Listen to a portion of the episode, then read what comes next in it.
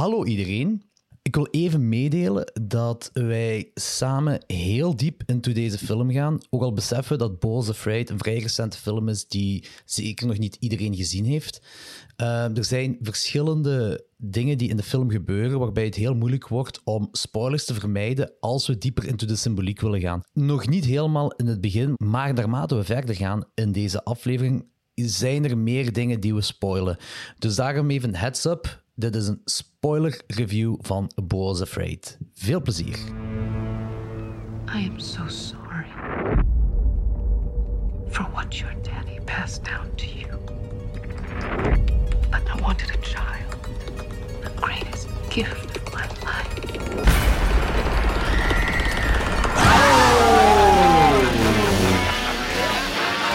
Het is weer tijd voor een boxy horror reviews. Geserveerd door het legendarische duo. Van klokslag 12. I'm your number one fan. We all go a little mad sometimes. Did you know I'm utterly insane? It's here. Anthony Good, good advice from Uncle Tony. en Jordi. Er is nog een bepaalde professionaliteit bij Klokslag 12.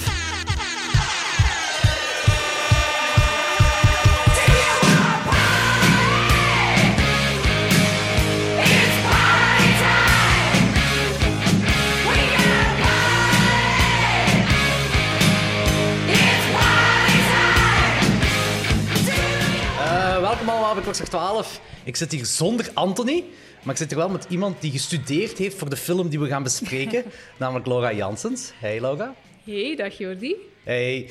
Ehm, het ding was, ik wou Balls Afraid wou ik sowieso bespreken. En ik weet dat jij en uw vriend een keigrote Ari Aster fan zijn. Eh, jij en Sandy hebben zelfs voorgesteld dat ik een, een feel-good avond zou organiseren in de cinema met allemaal Ari Aster eh, films. Eh, nu, toen Boos Afraid uitkwam, was het eerst van, oké, ik moet Laura uitnodigen om het over deze film te hebben. En Laura was zo psyched om het over deze film te hebben, dat ze die film twee keer is gaan zien.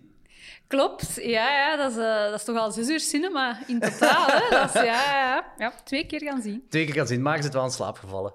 Ik ben beide keren in slaap gevallen, klopt. Eh, de eerste keer was ik wel oprecht heel moe. En dat was ook een voorstelling van, van half negen tot, ja, wat is het dan, Eh, half twaalf. Dus allee, ja, ik, ik, ik ben 33, ik val in slaap als ik na acht uur eh, een film begin te kijken. Ehm, dus dat lag niet aan de film. De tweede keer ben ik hem nog eens gaan, dus nog, ja, ik ben hem nog eens gaan zien. En de tweede keer ben ik bij één bepaalde scène, waar we het wellicht nog over gaan hebben, Ja. toch terug in slaap gevallen. Dus ik kan ook wel zeggen van die scène had voor mij misschien uit de film gemogen, want die vertraagt hem een beetje voor mij. Ja. Eh voordat we effectief in deze film gaan, heb jij de kortfilm gezien, Bo? Nee, die is eh, ook offline gehaald, denk ik. Eh, of toch van de officiële kanalen, toen dat, eh, Ah, de oké. echte film werd aangekondigd. Ah, oké. Nee, was- ja, ik heb hem... Ik denk rond de tijd dat Midsommar uitkwam dat ik eh Bo gezien heb. En het concept is hetzelfde, want daar gaat de film over. Over een, heel kort gezegd, eh, zoon gaat, wil op bezoek bij zijn moeder ga- eh, gaan. Allee, daar komt zo op neer. Ehm, alleen is het meer appartementgericht, echt, kortfilm. Ja, Dus- ja. Ik, heb, eh, ik heb er wel over gelezen nadien en ik hoorde wel van ja, er zaten toen al.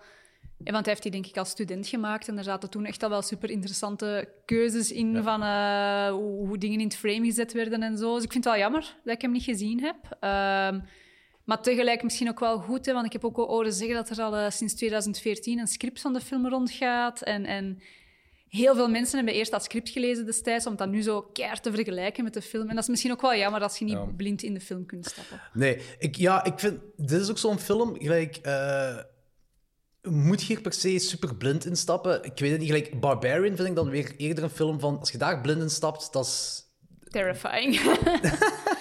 terrifying ook. Maar ook beter, denk ik, voor, voor, voor van te genieten. Deze mogen gerust weten waar het over gaat eh, en, en wat er bepaalde, bepaalde wendingen die erin gebeuren. En het gaat, het gaat niet veel afbreuk doen, denk ik. Het enige wat ik me afvraag is... Omdat ik ben ook een grote Ari Aster-fan. En ik was niet omvergeblazen bij deze film. eh, wat ik bij Hereditary en Midsommar wel had. Eh, dus ik denk niet dat dit... Dat, dat wil zeggen dat als je een Ari Aster-fan bent, dat je onmiddellijk met deze film ook mee gaat zijn. Want Ride of the Bed, we hebben het juist voor de podcast er ook over gehad. De film is voor mij... Ja, voor u, u dan ook, maar voor mij ook een goede 40 tot drie kwartier te lang. Ja, ja, ik vond hem op, oprecht wel echt te lang. De enige film dat drie uur mag duren is Lord of the Rings. Ehm, En dit is zijn Lord of the Rings, ja, hij, hij. noem- hij noemde het ook zo. Hij eh, heeft het in verschillende interviews Jewish Lord of the Rings genoemd. Ehm, ja. Hij durft. Ik wist inderdaad dan toch wel een, een, een orc battle of eh, twee. Ik weet niet wat de, de Joodse variant daarvan zou kunnen zijn. Daar heb ik al helemaal geen idee van. Eh penismonster. Besneden penismonster. Besneden penismonster. Ehm, nee, maar eh, buiten dat, eh, de film, gelijk dat het begint, ik was wel heel hard mee in het begin. Dat, Ja, dat dorpje absoluut. dat, of stadje dat je daar ziet, wat een... Ik, ik weet niet waar het zich afspeelt, vuil New York of zo? I don't know. Het is een, een, ik heb het ergens gelezen dat het een fictieve stad is. Ik ben nu wel even de naam vergeten. Eh, het verwees naar een Whoopi Goldberg-film, blijkbaar. Oké. Eh, Dat wist ik niet. eh, ja, ik, ik heb het ook maar ergens random gelezen. Ik ben het al terug vergeten. Maar het was wel een fictieve stad, maar ja... De vibe dat erin zat, ik gewoon heel angstaanwekkend. En het- legde het goed vast voor het personage dat Joaquin Phoenix speelt. Een angstig personage, dat dan in, eh, in de stad waar je als sterk mens zelfs niet in wilt wonen of wilt leven. Ja, maar ik denk niet dat, dat Bo een sterk mens moet voorstellen, eigenlijk. Eh, nee, absoluut niet. Maar ik zeg nee, van, zelfs als sterke Ah, mens ja, zou je daar niet in willen leven. Klopt, absoluut. Maar ik denk, hè, eh, dus, dus je ziet inderdaad hè, de intro van de film, het eerste half uur, of uur zelfs, ik weet het niet, want dat duurt zo lang. Eh, maar, Dan gaat de hele tijd deze podcast, het duurt al allemaal lang. maar het, het eerste stuk van de film, alleszins, hè, dat speelt zich dan inderdaad af in een heel, ja, lugubere wijk. Heel veel graffiti, grove graffiti. Mensen die daar op straat in, in daglicht vermoord worden. Ehm, Lijkt dat gewoon op straat, lijkt er ja, niks mee abso- gedaan ja wordt. al die dingen. Maar ik denk, of zo heb ik het ook opgevat, dat je eigenlijk moet voorstellen van dat zal waarschijnlijk zo wat een, een, een iets ruwere wijk zijn, maar dat dat in boze hoofd inderdaad Mhm. tien keer uitvergroot wordt. Ehm, wat iets is waar je mij wel mee kan inleven. Hè? Want iedereen heeft van die situaties dat, dat je weet van, goh, ik vergroot dat een beetje te veel uit. Waarschijnlijk is dat helemaal niet zo erg. Maar het ding bij Bo, heel de film lang, is die vergroot alles uit. Hè? Alles is, is, is Mhm. Angstaanjagend. Ja, de film heet Bo is Afraid, dus dat is natuurlijk Ja. niet echt eh, moeilijk om, om, om tot die conclusie te komen. Maar ik vind het heel leuk. Zoals inderdaad, zoals gezegd, was eh De toon was gezet. supergoed gedaan. Al die graffiti, als, je, als je de film twee keer gaat kijken en je hebt dan zo iets meer tijd om te lezen, daar staat echt insane shit tussen. Dat is, Ja? ja, ja, goh, heel pornografische, Echt, ja? dingen. Ja. Ah, oké.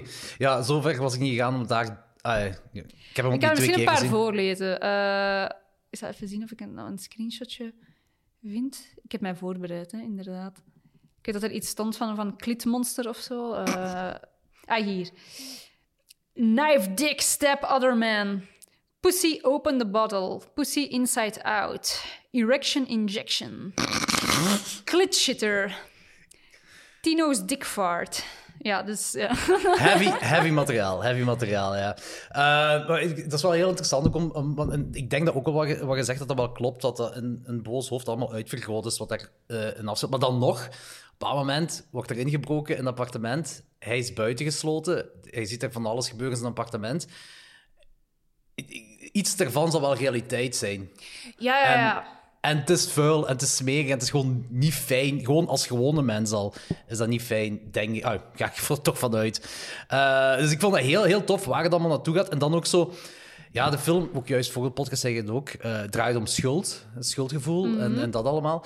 En ehm, het ding was, bij Hereditary, eh, omdat ik dan nog altijd zijn beste vind, is het een chain of events. Van alles wat er gebeurt is door een be- bepaalde reden, of er is iets dat, dat ervoor zorgt dat er bepaalde dingen gebeuren. En hier hebben we helemaal in het begin is eh, de koffer weg en de sleutel wordt afgepakt. En ik, ik, tot op de dag van vandaag stel ik nog altijd de vraag: is het ook een keten van events? is het ook een keten van events. Ik denk het wel. Ja, het, het is eigenlijk... eh, het Omdat je ook weet waar het alle, naartoe gaat. alles dat kan misgaan, gaat mis. Daar moet je eigenlijk zo heel de film lang rekening mee houden. Van, kan het misgaan, gaat het sowieso misgaan. Ehm nu, Maar- sowieso, wat jij zegt, ik- want ik zag heel veel parallellen ook met Hereditary. Eigenlijk heel veel. Ik heb eigenlijk het gevoel dat Hereditary voor een, een heel groot stuk over hetzelfde gaat qua thema. Of dat... eh, dat Ari Aster dezelfde gevoelens in Hereditary heeft gestoken dat hij in Bo kon doen. Maar bij Hereditary moesten we het nog wat verstoppen onder horror, denk ik. En hier kon er veel explicieter mee te werk gaan. En ehm, wat dat ik, want je hebt over een keten van events. En dat, Ja. is, dat is ook zo, denk ik. Ja. Ja, het is gewoon van, eh, bij Hereditary vanaf het begin. eh, het meest schokkende wat er gebeurt. Zelfs het meest schokkende niet. Het, gaat over gewoon, eh, wat was het? Chocoladecake of pindacake of zo. Dat, dat, dat een bepaalde persoon eigenlijk niet mocht eten en toch gegeten en Zo.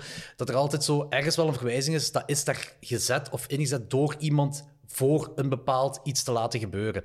En we weten waar, als je weet waar de film naartoe gaat, Ja. deze film naartoe gaat, bepaalde personages die eh, dingen hebben gedaan of Ja, ja, ja, ja, ja. en dan vraag ik mij af van... Is heel, want daar begint het mee voor Bo. Hè. Bij Bo begint het met de koffer die verdwijnt en de sleutel die afgepakt Heeft iemand dat gedaan? Ja. Dat is eigenlijk... Ah, wel, dat vind ik super eh, cool dat je dat aanhaalt, want ik had dat hier ook als punt, maar ik heb daar de notitie bij zitten houden voor op einde. Oké, we skippen het en we gaan het er straks over hebben. ja, ik, ik vind eh, dat we eerst tot het einde van de film moeten komen en dat we dan het vraagstuk nog eens moeten opwerpen. Ik Vind denk dat dat beter gaat zijn. Ja, ik vind dat een goed idee. Maar ik vind het super... eh, want ik, had, ik vind het super cool dat jij ook hebt opgemerkt, want ik had ook wel ehm, ja, een heel gelijkaardig gevoel daarbij. Ja, maar dat is tof. Super. Eh, je hebt er straks ook een heel fijne fun fact verteld over de UPS-kerel. Er zitten keiveel fun facts in deze film. Eh, er zitten eigenlijk heel veel referenties ook naar, naar andere Ari Aster films. Eh, heb jij er ook opgemerkt? Eh, nee, ik denk niet. Dat... Ja, dus de zolder, dat was wel een, een, een- opmerking die aankwam met Hereditary Ja. dan. Eh, maar Ride of the Bed, pff, denk ik niet dat, dat ik Oké. naar daartoe ging. We zitten in het eerste stuk van de film. Dus ik zal eh, de eerste rondjes eh, leuke Doe maar, referenties doe maar, ja, ja. doen. Dus we zitten in die vieze, vuile, crappy buurt waarin eh, Bo woont. en helemaal in het begin van de film. Een eerste ding dat, Ari Aster vaak doet in zijn films. Ah ja, vaak in zijn film. Hij heeft er nog maar drie gemaakt. Maar dat, dat toch al veel in zijn films hebben gezet, is foreshadowing. Mhm. Eh, Ja, Ja. Dat, wa- ah, dat heb ik niet gezien, maar hebt dat, dat wat Sandy is. Ja. eh, mijn, mijn vriend, heeft dat eigenlijk opgemerkt. Dat. Eh, en dat is inderdaad heel cool. Dat is ook wel iets dat je natuurlijk pas opmerkt als je hem een tweede keer hebt gezien. Het is onmogelijk om dat bij een eerste keer eh, Maar te is- kunnen voorspellen. Bij, bij maar- Hereditary was dat, bij Midsommar ook. Dat zijn films die ik al een paar keer gezien heb. En dan zelfs van, ah ja, en dat. Er zijn altijd wel meer dingen Ja. die opvallen. Dus ja. Dus we zien Bo door zijn, zijn ehm, sinistere wijk wandelen. En we zien op de voorgrond, hè, we zien hem wandelen op de achtergrond. En op de voorgrond zien we een kind met een bootje spelen, een mechanisch bootje. En dat bootje kantelt om in het water. En op het moment dat dat omkantelt, wordt het jongetje bij zijn eh, arm gegrepen en meegesleurd door een kwade moeder. En die twee dingen, zonder het einde al helemaal te willen weggeven, geven eigenlijk het einde. einde weg. Ja, Ja. inderdaad. Eigenlijk wordt eh, op dat moment op een bepaalde manier het verhaal van Bo verteld. Ja, inderdaad. Eh, en ik had ergens in een review ook gelezen van moeten we uit die hint misschien niet, niet, niet begrijpen dat eh, wat er gebeurt, dat ook eigenlijk niet lineair is, dat dat eigenlijk meer symbolisch is en dat al die dingen, hè, we, we bekijken dat nu als verhaal, maar misschien is dat ook omdat je het einde eigenlijk al in het begin ziet, misschien is dat iets dat zich toch allemaal in zijn hoofd afspeelt. De, de, de hele film. De hele film. Dat was iemand dat, dat geopperd werd. Maar dat is misschien ook een vraagstuk voor op het einde. Ja, Speelt het zich af in zijn Ja. hoofd of is het echt gebeurd? Dat gaan we op het einde nog eens zien. Ja, dat is goed. Dat is een eerste referentie. En want in Midsommar gebeurt dat inderdaad ook eh, heel expliciet, dat eigenlijk het einde van de Ja. film in de opening al verklapt wordt. Eh, wat ook een, een heel coole Midsommar-referentie was in het beginstuk, is eh, dus eigenlijk twintig seconden later na die scène, Bo wandelt naar zijn appartement. Er staat boven op eh, een blok staat iemand dat wil springen. En er is een gast dat zegt, oh, we zijn hem aan het aanmoedigen om te springen. Hè, wat, wat enerzijds een, eh, ja, een, grappig, mm, ja, grappig, een donker, zwart, grappig Ja. mopje, zwarte humor is van, van, ja, die buurt is zo crappy dat mensen daar een zelfmoordspringer als entertainment zien. En dat kan ook, zoals je eerst zei, uitvergroot zijn in het booshoofd. Kan ook uitvergroot zijn. Maar dus die gast dat daar zo heel excited over is, dat iemand gaat springen, wordt volgens het internet, ik zou het eigenlijk eens moeten dubbelchecken. Ik hoop dat het waar is, want het is eigenlijk een supercoole referentie. Die acteur is dezelfde acteur als Simon in Midsommar. En Simon in Midsommar is iemand dat volledig in shock is wanneer er iemand van een rot springt. Dat, eh, Ja. dat onmiddellijk wilt weggaan, dat, dat zo getraumatiseerd is door wat hij ziet in Midsommar, eh, die, die dodelijke val. En nu is dat dan de persoon dat bezig is. van, "Ah, ja, Spring, jump, spring, jump. ja. Ehm, dat vind ik, als dat echt zou zijn, een supercoole referentie. Ik hoop Dat dat, is- wel, dat is inderdaad wel heel cool. Ja, dat is inderdaad zalig. Eh, hij slaapt onder een berendeken. Ik weet niet of je dat hebt Ah, gezien. Hij mij onder een, een, een slaapt onder een deken met een patroon van beren op. Ook een Midsommar-referentie, Ah, ja, zou je kunnen zeggen. dat was me inderdaad niet opgevallen. Maar nu, we, we zien altijd Bo zijn crappy leven. We zien hoe dat Bo heel angstig is. En dan belt Bo naar zijn moeder en er wordt opgepakt door een UPS-delivery guy. En ja, spoiler alert, moet dat? Of, of Eh, gaan we ervan uit dat, er heel veel spoilers komen? de, ik denk wel, als we diep into de film willen gaan, dan gaan we toch het een en ander moeten Ja. spoilen. Dus nu gaan we al iets spoilen. Ja. Ehm, de UPS-bezorger zegt van ja, ik heb hier net een lijk gevonden en het wijst er eigenlijk allemaal op dat boze moeder is. Een hele, vond ik oprecht, heel grappige conversatie volgt eigenlijk. Hè? Want je hebt die UPS-bezorger dat zo totaal... Allee, zoals elke UPS-bezorger zou zijn van ja, ik wil gewoon een pakje leveren en er ligt hier een lijk. En, en, en... Ja, maar als we daar even bij stilstaan.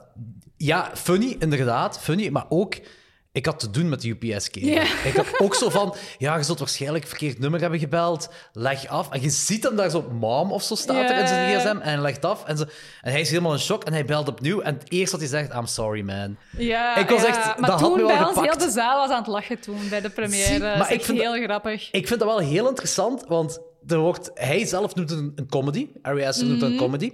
En wij hebben onze vorige aflevering al besproken hebben, is Vampire's Kiss met Nicolas Cage. Ik weet niet of je die ooit gezien hebt. Het is Nee. van die meme van- met Nicolas Cage. Die heel bekende meme, dat hem zo'n heel raar gezicht trekt.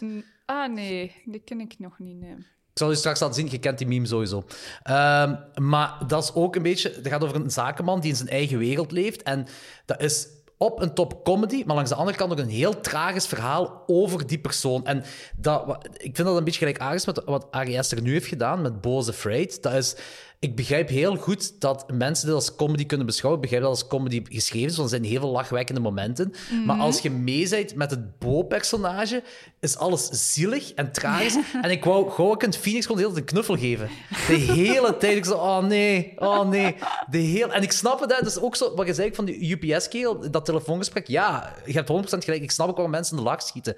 Maar toch is dat zo van, langs zijn stand is het zo van, en al tragiek. Als het mij zou overkomen, zou ik het ook een zielig verhaal vinden. Maar in de cinema gewoon die paniek van die UPS-bezorger dat er eigenlijk Mhm. niks mee te maken had, was, was super grappig. En eh, het leuke weetje, tot waar we willen komen, is dat de UPS-bezorger eh, gespeeld werd door Bill Hader. Dat is echt zalig. Dat had ik echt totaal niet door. Totaal Ik had het niet door tijdens het telefoongesprek, maar eh, achteraf wordt de UPS-bezorger een paar seconden in beeld getoond, langs achter. Maar zelfs dan is het eigenlijk genoeg om te zien, ah, dat is Bill Hader. Dus dat Ja, is, ik denk eh, als je wel het één keer weet, zal het wel zo. Ja, Ja, ja, ja. Maar ik, ik vond wel, ik zeg het, ja, ik- voor de, dat we de podcast opnamen, zei ik het ook van. Ik, ik vond dat, dat nieuwsbericht heel bevreemdend zo, omdat ze hem interviewen en ze tonen dat ook. Ik weet niet, was dat live misschien? Dat kan ook wel zijn. Ik weet niet. Maar dat hem zo met zijn rug naar de camera is. Hè, zo, dat hem heel schuw is en dat. Maar nu heeft dat zo'n beetje een dubbele betekenis. Dus ik vond het wel heel cool. Ja, daar ik vind het ook eh, inderdaad heel grappig dat dat eh, Bill Hader is. Eh, Bill Hader in een cameo, altijd goed. Ja, kijk goed. Waar, en ja, een, een, een van de andere referenties met Hereditary, wat, wat he- overduidelijk is, is niet alleen mother issues of moeder issues, ehm, maar ook. Ari Esther heeft iets met eh onthoofde lichamen. Dat komt in alle drie de films voor. Ja. Ehm, ehm, ik vind het altijd wel leuk om te zien in films, daar niet van. Maar het valt wel op dat, dat, bij, ah, dat hij er zo in your face mee omgaat. Ja, ja, je vraagt je af hè, van, van waar komt dat? eh? Ja, Wat er gebeurd in een mensenleven dat je zo'n fascinatie met onthoofde lichamen hebt? Dat en ook het hele mother-issue gedoe. Je hebt me ook in de chat verteld van ja, ik ben daar gaan opzoeken. Ik heb zo interviews met hem gelezen, maar hij heeft blijkbaar een kei goede band met zijn moeder. Oké, maar is dat wel echt zo? Hij zegt dat, maar, maar dat is... ehm, ik, ik ga... Weet je, je, je hebt, eh, zoals we hebben gezegd daarnet, eh schuld is eigenlijk wel het grote thema van de film. En je hebt eigenlijk een zoon die heel veel schuld voelt ten opzichte van zijn moeder, om, om verschillende redenen waarom we nog kunnen deepdiven. En ik vermoed misschien dat Ari Aster wel, wel veel liefde voelt voor zijn moeder, maar misschien ook schuld over iets dat gebeurd is. Dat zou wel kunnen. Eh, ik, ik heb eh, van interviewers gehoord dat, dat als je echt persoonlijke vragen over zijn moeder stelt, dat hij daar eigenlijk niet op ingaat. Hij gaat nooit verder als zeggen van I have an amazing mom, maar eigenlijk meer zegt hij er niet over. Ja, ah, ja. dat ja, misschien wel wat iets betekenen. Eh, wat, wat, niet alleen moeder, maar het is ook gewoon zo familiegebonden. Al zijn films hebben ook iets met familie te maken. En ik herinner me juist dat er is nog een andere kortfilm. Meet the Adams of No, What About the Johnsons? Of What About the? Johnsons? Nee, oh, Something Strange About... Ja, iets met de Johnsons. Eh, Dat is nog altijd het meest fucked up dat ik van hem ja, gezien die, wil- die hoef ik niet te zien. Ah, ik heb de, ik heb beschrijving gelezen, Ja. maar ik hoef hem... Ja, oh, dat is eh, die film waarin hij een heel weerzinwekkende draai geeft. En allee, is al weerzinwekkend, maar hij slaagt erin om het zo nog een beetje... Ik ga dat wel even uitpiepen, want dat is wel een dikke spoiler voor die kortfilm. Eh, Ah, oei, oké. ja. Ik, ik had het niet door dat het daarover ging gaan toen ik de kortfilm aan het kei- eh, beginnen kijken was. Oké. Het evolueert eraan. Het was niet erg, hè. Maar ehm, ik piep daar gewoon even uit. Maar eh, ik, ik voelde me smerig. Ik voelde me echt vuil na het zien van Ik die hoef hem niet te kortfilm. zien. Nee. Ik snap het. Je mist niks, Laura. Je mist niks. Eh, maar goed, Bo, ehm, want hij, hij komt dan te weten dat, dat, zijn, ja, dat zijn moeder gestorven is. En nog zit hem daar... Ik denk, dat, hij zit dan daar nog op appartement, denk ik zeker, wanneer die kerel daar boven dat bad hangt. Ja, dan eh, zit hij helemaal in shock in zijn bad. Hij Ja. heeft zijn, zijn telefoon nog vast. Wat... En hij kijkt naar boven en hij ziet een man ja, zo wat aan het plafond hangen. Of tussen twee... Ja, het is moeilijk uit te leggen visueel. Het is, het is, fysiek is het wel mogelijk om aan het plafond te Ja, hangen op die manier. Maar het is wel creepy. Ja, en als zijn gewicht tegen de, Ja. met zijn armen en voeten tegen de twee muren aan de zijkant te houden. Ja, het is een smal... ook een, ja, volgens mij toch wel een hereditary referentie. Ah ja, daar ben ik 100% zeker van. Ja, ja. Maar zou dat ook niet iets betekenen? Want ey, ik weet niet, het is ook random, vind ik. Eh, ja, ik, ben, ik heb de film twee keer gezien. En ik heb de tweede keer opgemerkt dat, eh, dat de man achterna gezeten werd door die spin. Ah, het is even, want daarna zit je inderdaad wel die spin ook zo. Ja, maar ik- ik, denk dat, hij, dat de man die door. echt aan het wegvluchten was van die spin. Ik denk, denk dat we er ook niet te veel mogen achterzoeken. Het is eigenlijk, denk ik, vooral een... Een, een eh, eng moment. Of ja, een en, en ook een, een, een actie die gemaakt wordt zodat Boos een appartement zou verlaten. Want, want hij, de man aan het plafond valt in zijn bad en Bo vlucht dan volledig naakt de straat op, waar hij dan verward wordt met een moordenaar die dat eerder even op het nieuws gezegd werd, eh, dat ook naakt eh, al zijn moorden pleegt. En, en, en dan denken de mensen op straat dat Bo dat is. Dus ik denk dat zo wat... Dat, ja, gewoon. Dat Ja, een beetje dat- grappig bedoeld is. Ja, ik snap het dat dat een, een soort van katalysator is om tot, Ja. tot eh, bij het volgende Ja. stuk in het verhaal te komen voor hem. Dat hij dan bij die familie terechtkomt. Eh wat ook een heel ander... Dat is, dat vind ik, en dat vind ik ook cool, dat eh, je zit dan eerst in, je, eh, in die rare, vreemde, zotte buurt en dan gaan we over naar de... wat, wat op het eerste zicht mega happy familie is. De suburbs, hè. Ja. dat daar zo echt wel de vergelijking is tussen van je hebt mensen die in de stad leven en je hebt mensen die in de suburbs leven. En eigenlijk zo al het hele grote verschil daartussen. Eh er zijn meer horrorfilms dat daar in het verleden al coole dingen mee hebben gedaan. Bij It Follows bijvoorbeeld, dat is ook echt een, een heel groot contrast tussen van... dit is Detroit en dit zijn de suburbs van De- Detroit, waar alles wel oké is en zo. Mhm. dat is waar. Ehm, ja. ja. En, eh, maar wel dat er ook dat, dat niemand echt gelukkig is. Ja, dat ze eigenlijk alle ongeluk onder de mat vegen daar in de suburbs. Hè. Dat ze het ook niet willen erkennen en zo, dat het een beetje een, een façade is, eh, hun ik- geluk. Ik vond dat een heel, heel cool sequentie, maar een veel te lange sequentie. Je hebt het vrij snel door... Eh, vond ik, toch, ik vond dat je vrij snel door zeker met die dochter. Waar zo van, oké, verwaarloze dochter, omwille van de zoon die gestorven is, en ze willen Bo vervangen, eh, een beetje Ja. vervangen, en die dochter pikt dat niet. Er zat trouwens een heel cool detail in. Dat, eh, ik weet niet of je hebt opgemerkt. Hè? Dus, dus inderdaad, Bo eh, wordt door die familie in huis gehaald. Eh, hij vervangt eigenlijk een beetje hun, hun zoon, die dat, eh, tijdens een fictieve oorlog is omgekomen. Ehm, en op een bepaald moment ziet je dat de moeder een kop koffie voor Bo heeft gezet. En je ziet dat de kop dat daar de N van Nate op staat, eh, de naam van ja. de zoon en zo. Dus dat, dat is echt zo op die manier zo heel cool. symbolisch die wat vervangen. Maar op het moment dat haar man komt, sleurt ze die kop terug weg. Want ze Dus wil dan- eigenlijk niet. Het is de moeder dat wil. Zo, het is niet zozeer de man, maar je ziet dat, de, eh, eh, dat de man dat die, ja, dat die onder één hoedje speelt met... Ik weet niet of we dat mogen verklappen. maar- Verklap maar.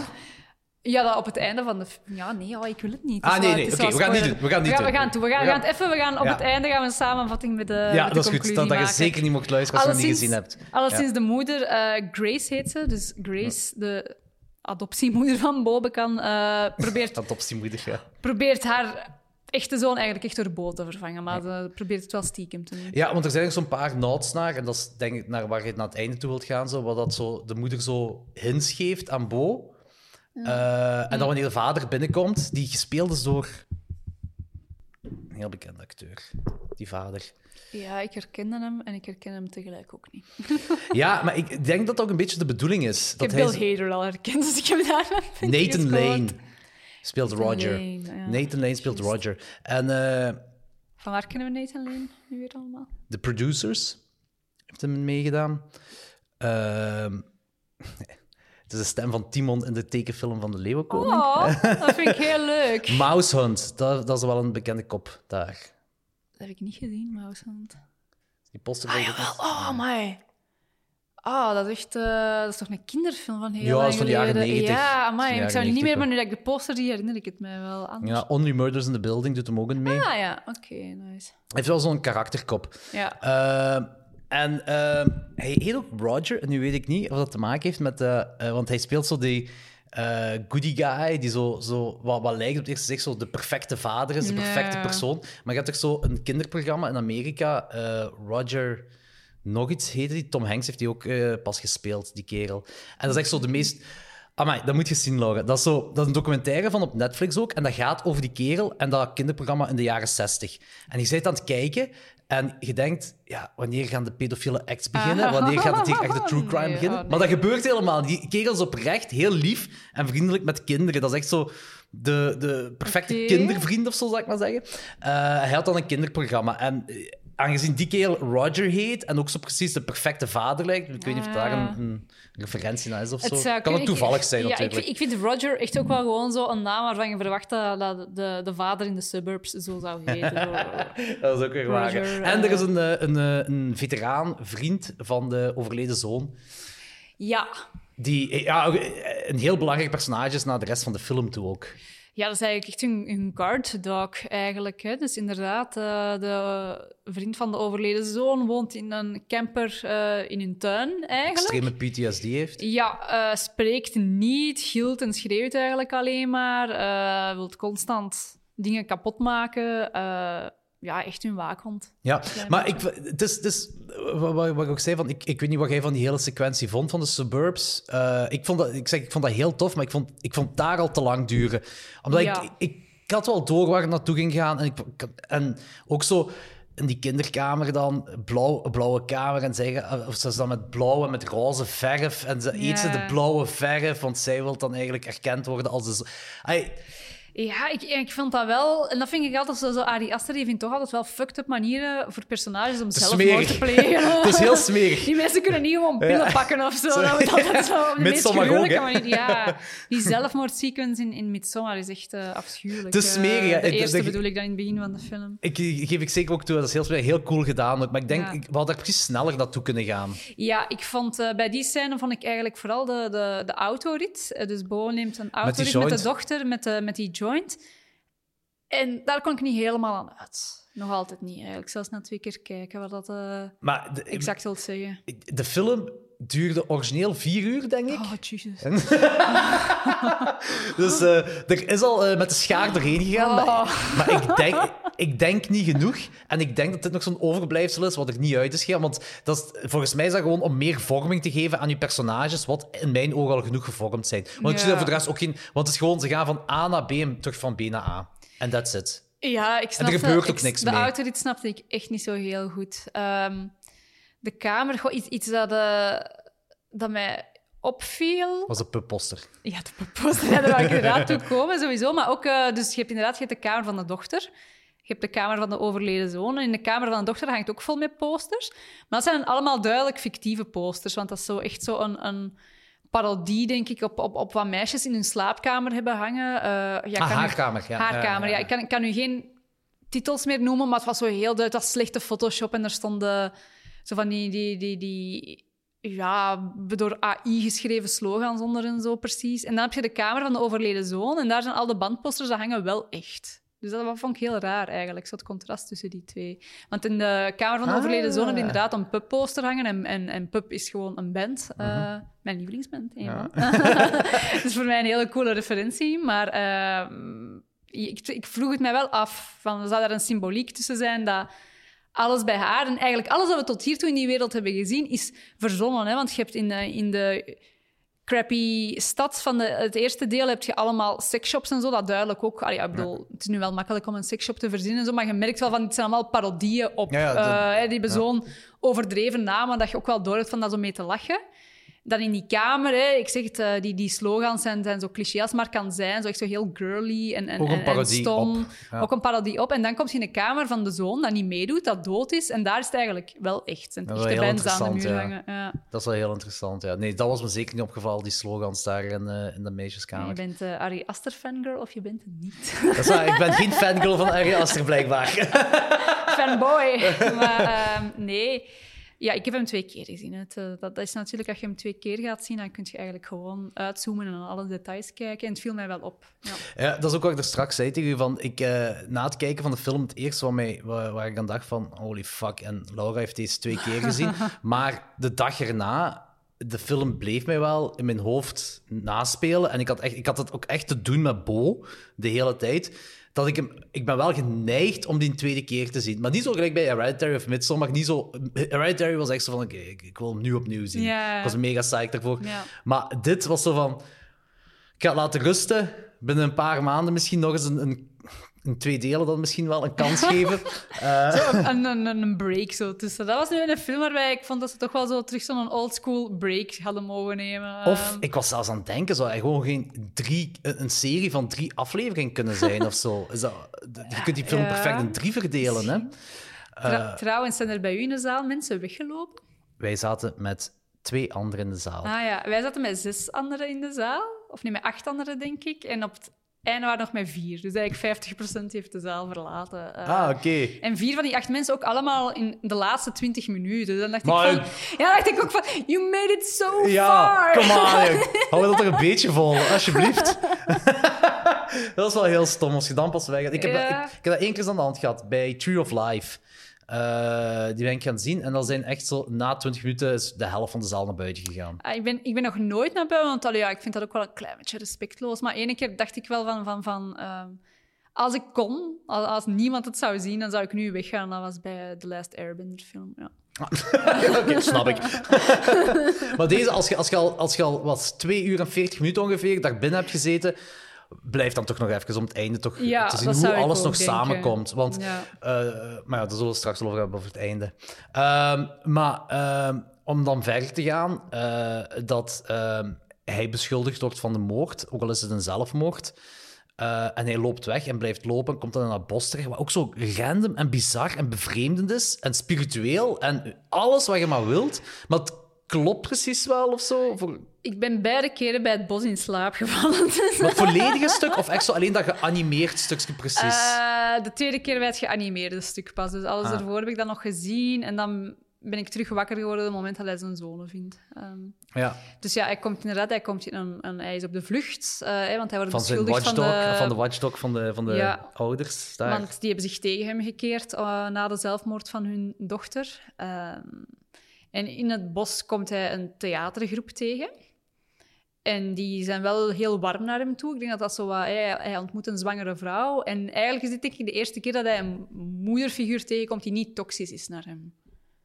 En je hebt drie moeders. Je hebt zijn eigen moeder. ja. Je hebt Grace, die, Ja. die dat zijn moeder wilt zijn. Ja. En dan heb je deze moeder die dat eigenlijk wel warm is naar hem, die hem tot niks verplicht en zo. Dat, dat, dat eigenlijk heel oprecht is met hem. Nee, dat en, klopt en, inderdaad. Ja. En je ziet dat hij zich eigenlijk zichtbaar relaxed bij haar dan eigenlijk. Hè? Dat hij zo precies voor het eerst in de film zo eigenlijk zo wat rustiger wordt. Ehm, ja, inderdaad. En dan wordt dat heel dat verhaal gecreëerd ja, van eh, het, toneelstuk. toneelstuk, het toneelstuk. En dat dan... En misschien is dat daarom, want nu je dat zegt inderdaad, is dat van... eh, dat, dat, is- dat, is, dat is ook het kalme stuk in, in deze film. Want dat moet ik ook wel zeggen. Ik had dat, het eerste uur had ik zoiets van... Dit is een mega grote slow burn, maar dat is de meest chaotische slow burn dat ik ooit in mijn leven gezien heb. Het is een heel een, een hard, snelle film, harde film. Ik weet niet juist Ja. hoe ik het kan beschrijven, maar het doet je hartritme omhoog gaan. Eh, en op dat moment, dat is zo het rustgevende stuk in de film, zo, wanneer we dan Ja. ook voor hem en voor ons als kijker ook... En dat is wel interessant en ook fijn op dat moment, dat je Ja. een beetje een pauzegevoel hebt of zo, van alle chaos dat er gebeurt. Eh, en is het misschien daarom, want jij, er straks eh, stelde jij ook nog juist voordat we de podcast opnamen, st- stelde jij de vraag van, wat zou dat betekenen dat... ehm, dat, dat, dat hij dan drie zonen heeft, terwijl hij eigenlijk geen eh, kinderen zou kunnen krijgen, want hij heeft geen seks. Hij mag geen seks hebben, want hij sterft dan, zo gezegd.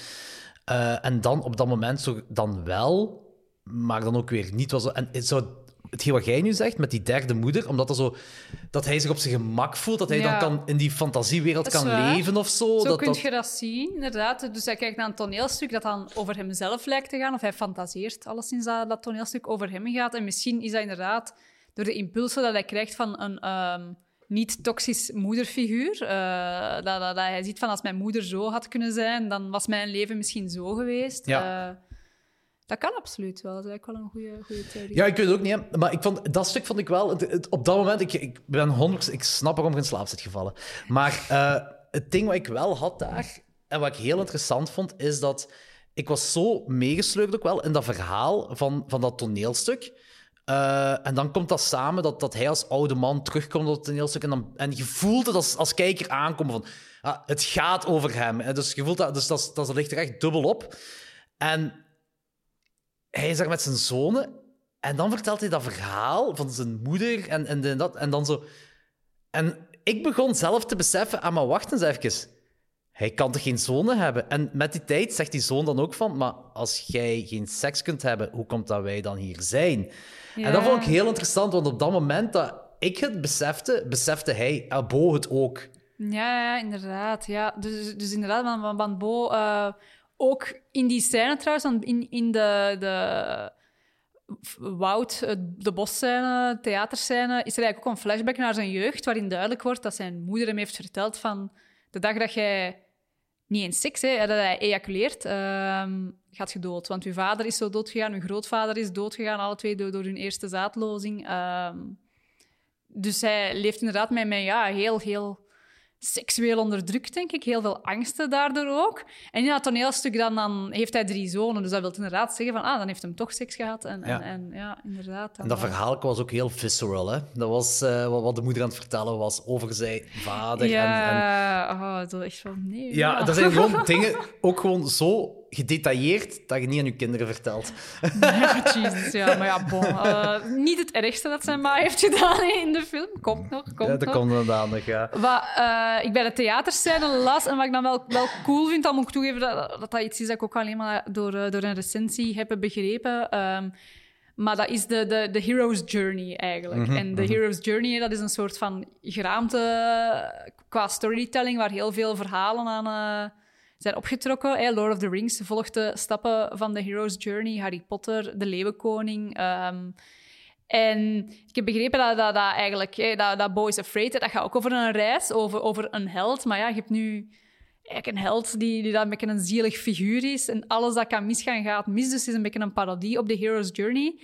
Maar het toneelstuk is wel een heldhaftig verhaal. Dan heb je eigenlijk een, een, een versie van Bo, waarin dat hij een leven voor zichzelf heeft kunnen opbouwen, waarin obstakels zijn die hij overwint en, en een goed einde, want hij vindt zijn zonen terug in het theaterstuk. En eigenlijk het contrast tussen die twee. Hè. Je Dus weet op ja, het moment van het theaterstuk weet je nog niet hoe de film gaat eindigen, maar Nee. eens je dat wel weet, zie je inderdaad een contrast van... Het is een heel sneu verhaal. Zo van, van, je weet dat, dat, dat... Je kunt dat soms bij een boek ook hebben. Snap je dat je een boek leest? Ehm, ik had dat voor bij Het Smelt, een heel Mhm. bekend boek. Dat ik dacht van... Ik vind, geen, ik vind het een, op zich een goed geschreven boek, maar ik vind geen enkel personage leuk. Ik heb het gevoel dat ik aan geen enkel personage Ja.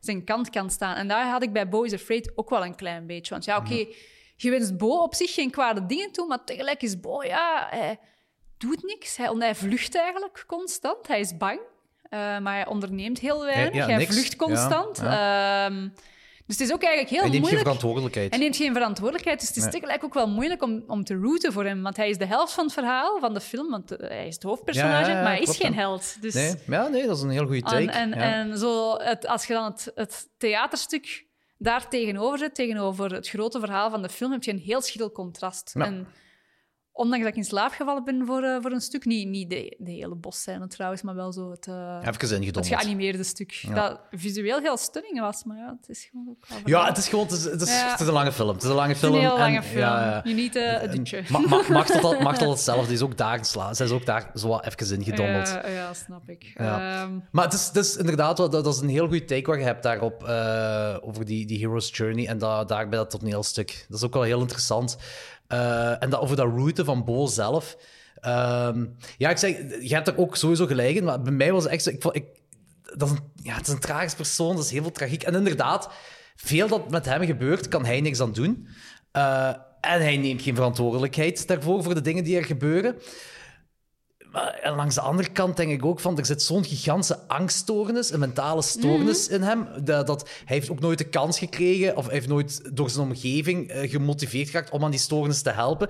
En dan gebeuren er ja, moorden of zelfmoorden, of wat, allemaal dingen die heel in, belachelijk tragisch zijn voor een gewone mens. Can you blame him? Dat is zo, dat, dat, dat toch wel. toch wel, Laura wel. Nee, ja, ik zeg het, maar, maar dat is denk ik omdat wij misschien empathische personen zijn. Dat we zoiets van, oh, ziet die sukkelaar, ik wou dat ik hem kon helpen of zo. Maar als je het bekijkt met gedachten, want, want dat is ook het ding, telkens... En ik had dat beide keren, als je naar Bo kijkt, je vergeet dat je eigenlijk naar een man van bijna 50 jaar oud aan het kijken is. Dat je de hele tijd het gevoel dat je een kind aan het Ja. volgen bent. Dat je zit van, oh, garme, dat je... En dan denk je van, ja, maar nee, dit is een man van 50. Je moet je voorstellen dat je zo iemand had in het echt, iemand van bijna 50, dat op geen enkele manier voor zichzelf kon zorgen. En hoeveel medelijden zou je daar in het echt nog mee hebben? Dat is een beetje omdat je met, met, met een, een bepaald oog naar die film Dat is waar. kijkt. Dat is waar. maar- Nee, heb je gelijk. gelijk als, als, dat, als dat in uw vriendenkring zou zitten, of in uw kennissenkring, dan is dat, zo, dan is dat allemaal moeilijker. Maar stel je voor als dat uw vader is, of uw broer, of uw, eh, snap ik, iemand die heel dicht bij u zit.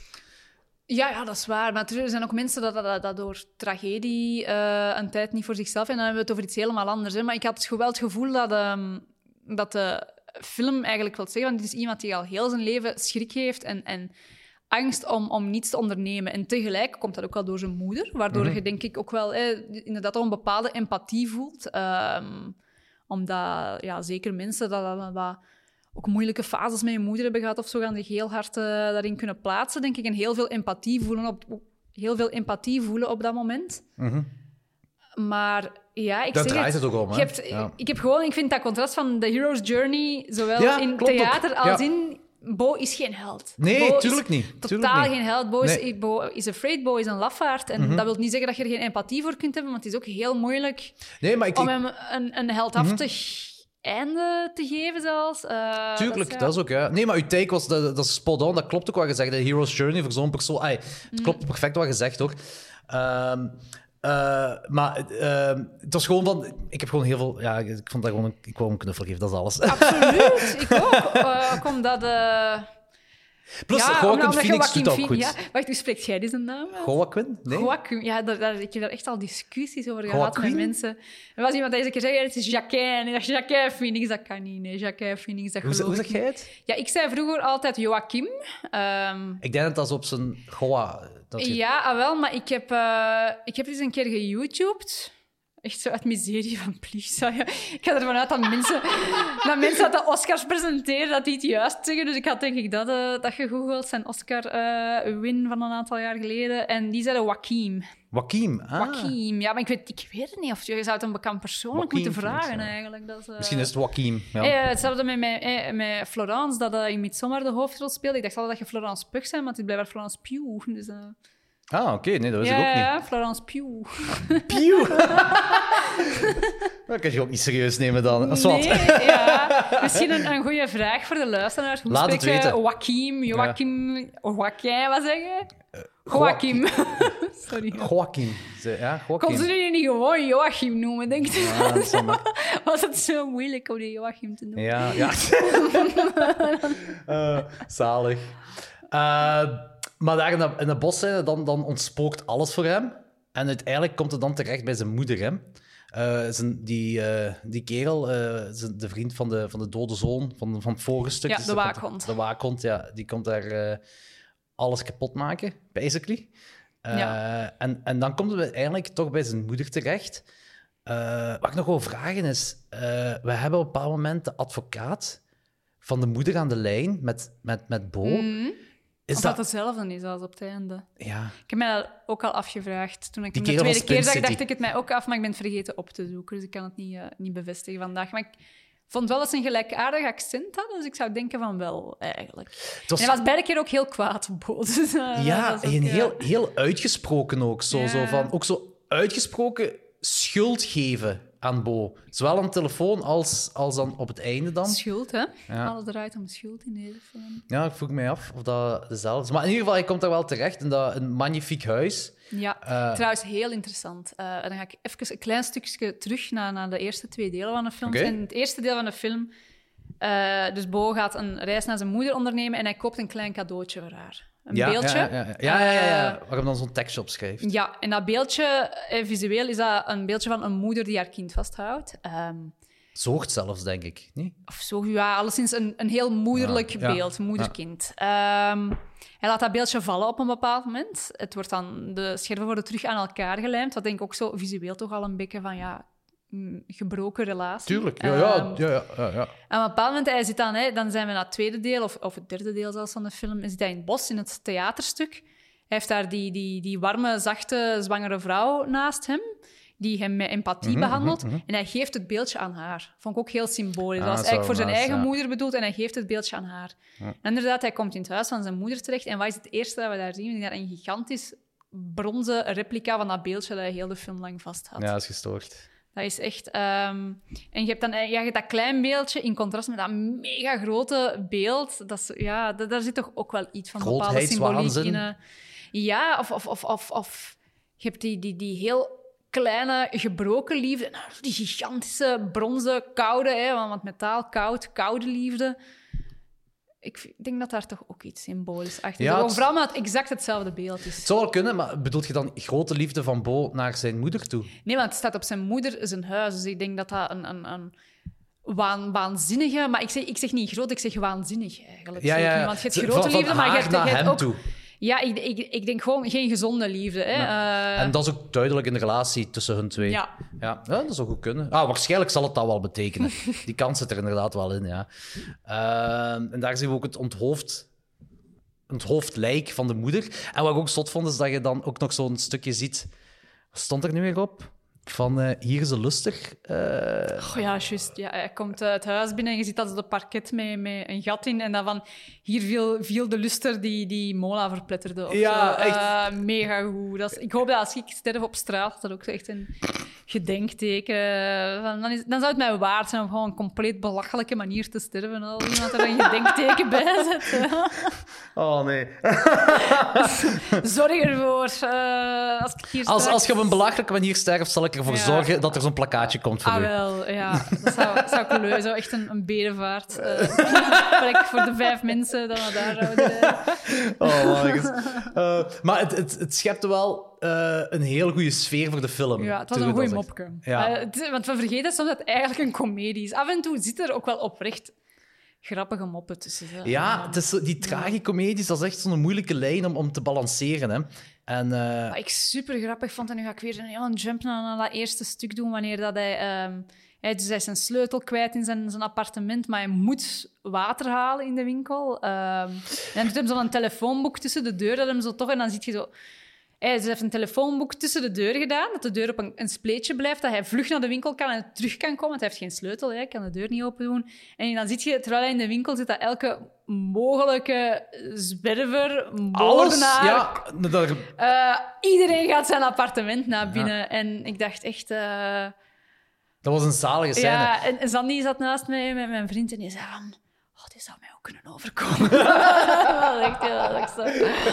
dat is ook zo... Dat is letterlijk ook zijn ergste nachtmerrie, dat wij zo per ongeluk de deur zouden openlaten. En dat, eh, Eh, dat zo- er honderd man binnen zo zit elke, eh, te feesten. elke lugubere mens uit deuren hier naar binnen zou komen. Zo. Ja. Ik snap ik, snap ik zeker. Ja, ik zou er ook niet, niet happig op zijn dat het gebeurt, maar ik heb er gewoon nog nooit over nagedacht dat dat kon gebeuren. En nee, bij, maar bij Sandy zag je zo in zijn gezicht van, ik heb hier al nachtmerries over gehad, dat dat zou kunnen in, gebeuren. in zijn hoofd was dat realiteit. Maar het is dat ook zo, eh, mede dank, dat ik zo aan het denken was van dat, dat alles in gang gezet is door iemand of meerdere iemanden. Want we komen later te weten dat dat er een, een soort van samenwerking is. Eh, er is plots geen water meer. Hij moet naar daar gaan, naar de overkant. Heeft iemand het water daar afgesloten? Of, Snap je wat ik wil zeggen? Zo van die dingen. En ik weet niet, het kan zijn dat dat duidelijk wordt als je dat meer keer of een tweede of derde keer gaat zien. Het was mij niet duidelijk bij de eerste keer dat ik het zag. Eh, dus ik kan niet zeggen dat dat effectief waar is, maar dat is gewoon iets waar ik aan dacht van en die koffer weg met de sleutel weg en dan zo dat water dat afgesloten is. Dat is nog, nog Ja. een bepaald van die dingen. En alles, hij moet altijd iets ondernemen omwille van dat het iets gebeurt dat hem dan toeleidt naar waar hij Ja. uiteindelijk terechtkomt. Ja, eh, ja ik denk, eh, want inderdaad, ehm, en we zien Bo in, in het huis van zijn ma en, en het lijkt even alsof ze gestorven is, maar wat blijkt op het einde, ze leeft nog. Eh, Ja, ja, eh, ja, we hebben al een spoiler alert gegeven, hè? dus dat is oké. ja, Eh, maar dit ja. is een pot... Hoe spreekt je over films zonder spoiler? Nee, ja, soms is het moeilijk. Zeker in dit geval is dat heel moeilijk. Eh, maar ik vond, had jij zien aankomen? Eh, had ik het zien aankomen. Ik ben een klein beetje gespoild in de film gegaan, dus ik kan, kan daar eigenlijk... eh, Ah, dat is jammer. Ja, dus dat, ik wist niet alles, maar dat wist ik wel. Dat, eh, ik wist het eigenlijk ook wel vooral een beetje door de casting of zo, omdat ik had gelezen dat... eh, ik ga haar naam fout uitspreken, maar Patty LuPone, dat die... eh, Het is Lapoe. Lapoe. Nee, ik weet het niet. Ik had al eens gelezen dat hij ook de moeder ging spelen en die was tot dan nog niet in beeld geweest. Dus je wist wel van, ah ja, die gaat op een bepaald moment ook wel... eh, Ja, ja, er gaat wel wel iets komen. Dat ze, allee, is een, een, een, Broadway-actrice en zo gaat hij niet voor twee zinnen laten komen opdraven. Dus, ehm, Eh, nee, nee, dat is waar, dat is waar, dat klopt inderdaad. Eh, het ding is van... Het was vooral het moment waarop dat zij terugkwam. Dat... heel graaf is ook, heel sch- schokkerend natuurlijk, maar gewoon heel graaf dat dat zo... Juist bij zijn allereerste ejaculatie, terwijl dat dan Ja. de griet doodgaat... Dat dan, en dan de zin dat de moeder zegt... Wat zouden die volgende stappen? Moest ik hier niet geweest zijn?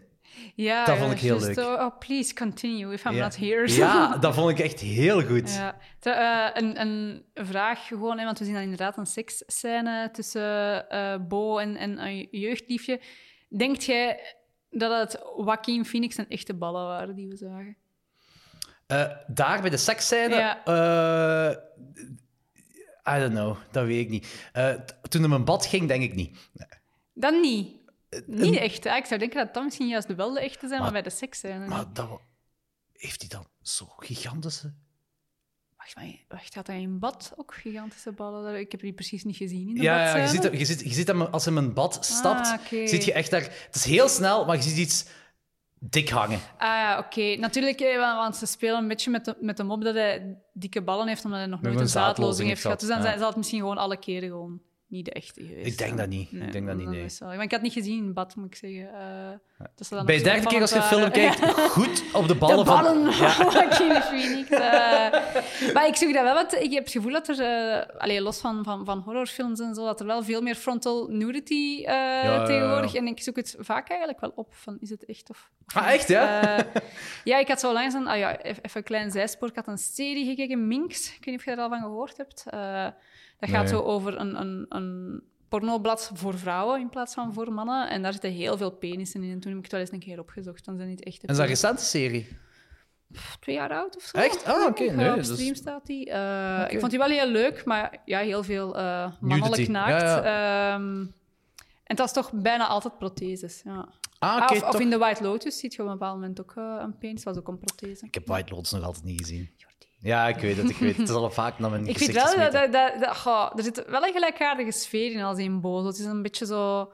Stapje vast, ze zoeken zo wat de humor op zonder zo echt de joke weg te geven. Ja, ja. Ehm, Ah, dat ja. vind ik wel leuk. Ja, dat is wel leuk. Nee, in verband met die nudity, ik, ben, ik, vind, dat- ik vind dat altijd tof. Eh, en ik heb het gevoel wel, eh, wat, wat jij ook zei, van, dat het tegenwoordig meer en meer is. Eh, dat ze daar niet van... Dat ze geen schrik hebben om dingen te laten zien, zowel mannelijk als vrouwelijk. En ik vind dat dat moet kunnen.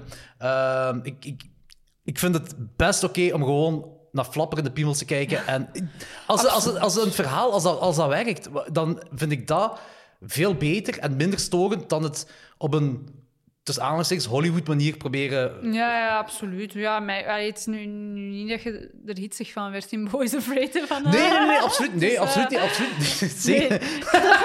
Ja, nee, maar ik wil, maar ik wil maar zeggen, het wordt niet zo... eh, Het is geen erotisch moment. Nee, het, het, het is, eh, het is een heel kwetsbaar moment eigenlijk. Op een zeker, bepaalde ja, ja. manier. Ja. Ja, ja, ja, inderdaad. Ja. En eh, die, die seksscène ook, ik vond, ik vond dat fantastisch geschreven. Eh, gewoon heel logisch ook hoe dat geschreven is, van dat... dat hij is mega dankbaar aan, aan haar ook. En dan blijkt dat zij dan eh, sterft. Eh, ook weer de pech dat Bo bij zich heeft, natuurlijk.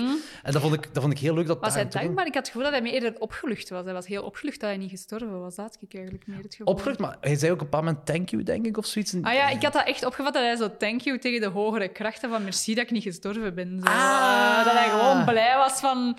Ik dacht dat ik ging doodgaan. Oh, merci dat ik niet ben doodgegaan. Zo. Zo Ah, dat is wel heel interessant. Dat, dat kan, het kan zijn, hè, daar niet van. Hè. Ja, ik, dacht- het kan alle twee zijn. Ik dacht gewoon omdat, omdat zij vooral heel hitsig was en, en bleef gaan op hem.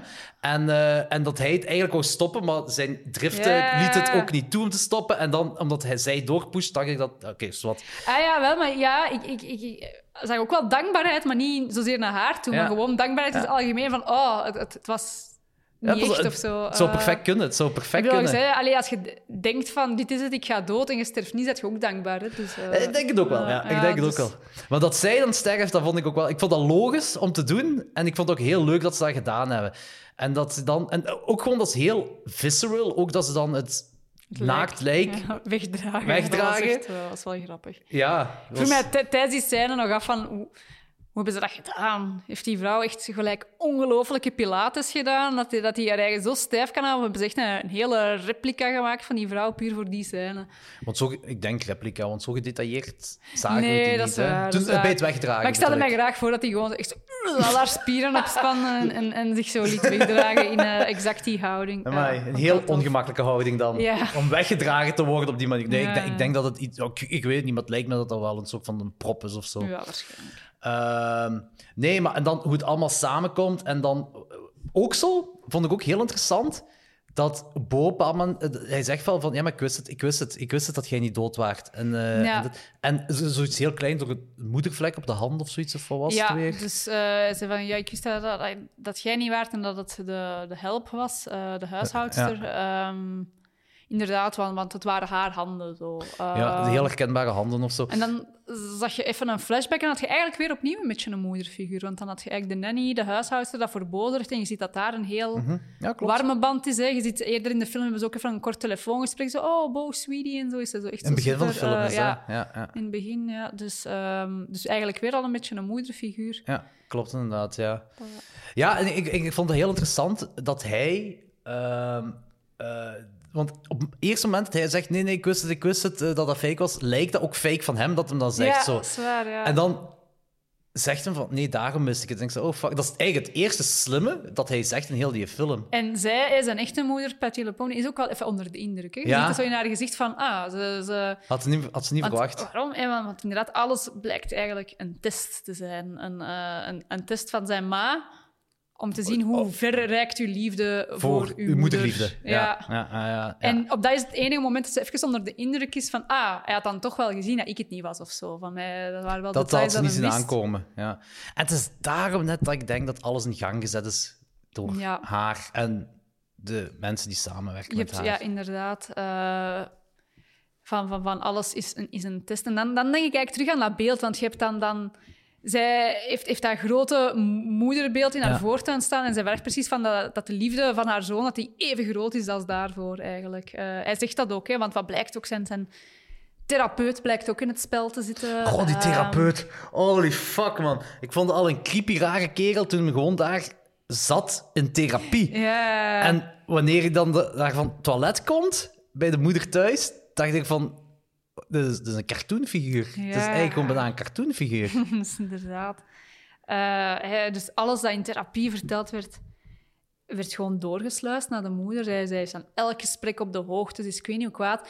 En daar is dan weer die guilt. En wat ik daar, en dat, dat is misschien persoonlijk, maar ik vond dat super interessant, want ehm, als je zelf al in, in therapie bent geweest, wat ik, ik vroeger ook eh, kort heb gedaan, je voelt je effectief heel schuldig wanneer dat je babbelt over mensen die je graag ziet. Eh, of ik Ah, voelde ja, dat zo. Ik had zo Ja, het gevoel van... van, van, van eh, van, van, van, die kunnen dat niet, hoor, maar je hebt zo het gevoel van, wat als die dat zouden weten, wat ik allemaal zeg over hun op dit moment, dat zou toch erg zijn. Dat, eh, dat die dat te weten komen en, en, en waardoor je ook een beetje inhoudt. En ik had het gevoel, eigenlijk, als je, dan, als je hem twee keer ziet, de film, dat dat bij zijn therapeut ook zo was. Hij durft zo niet echt botweg te kijven op zijn moeder en zo. Er is zo precies zo, altijd zo die schuld van ik mag niks slecht zeggen over mijn moeder. En hij doet dat dan wel in heel beperkte mate, wat voor haar dan een supergrote belediging is. Hè, want zij, zij maakt het dan ook weer... Net zoals dat boos en angsten tien keer groter maakt, maakt zij elk klein offensief dingetje tien Naar keer toe, groter. van hem naar toe, ja. ja. Eh, maar ik vond dat heel herkenbaar. Ik dacht van, dat is inderdaad bij, bij een therapeut, je voelt zoveel schuld wanneer dat je babbelt over de mensen die dat je graag ziet. En, ehm, Ja, en dan wordt het gewoon, eh uw kwetsbaarheden op dat Ja. moment worden blootgelegd naar de persoon toe waar je het over hebt. ja. Ja, dat, is wel, dat, is eigenlijk het horror, dat is eigenlijk een van de horrormomenten uit de film ook natuurlijk. Eh, Dat is waanzinnig dat... dat eh, eh, allee, ja, toen, als hij dat te weten komt, en wij als kijker ook dat te weten komen. Dus dat is, eh, was heel fucked up.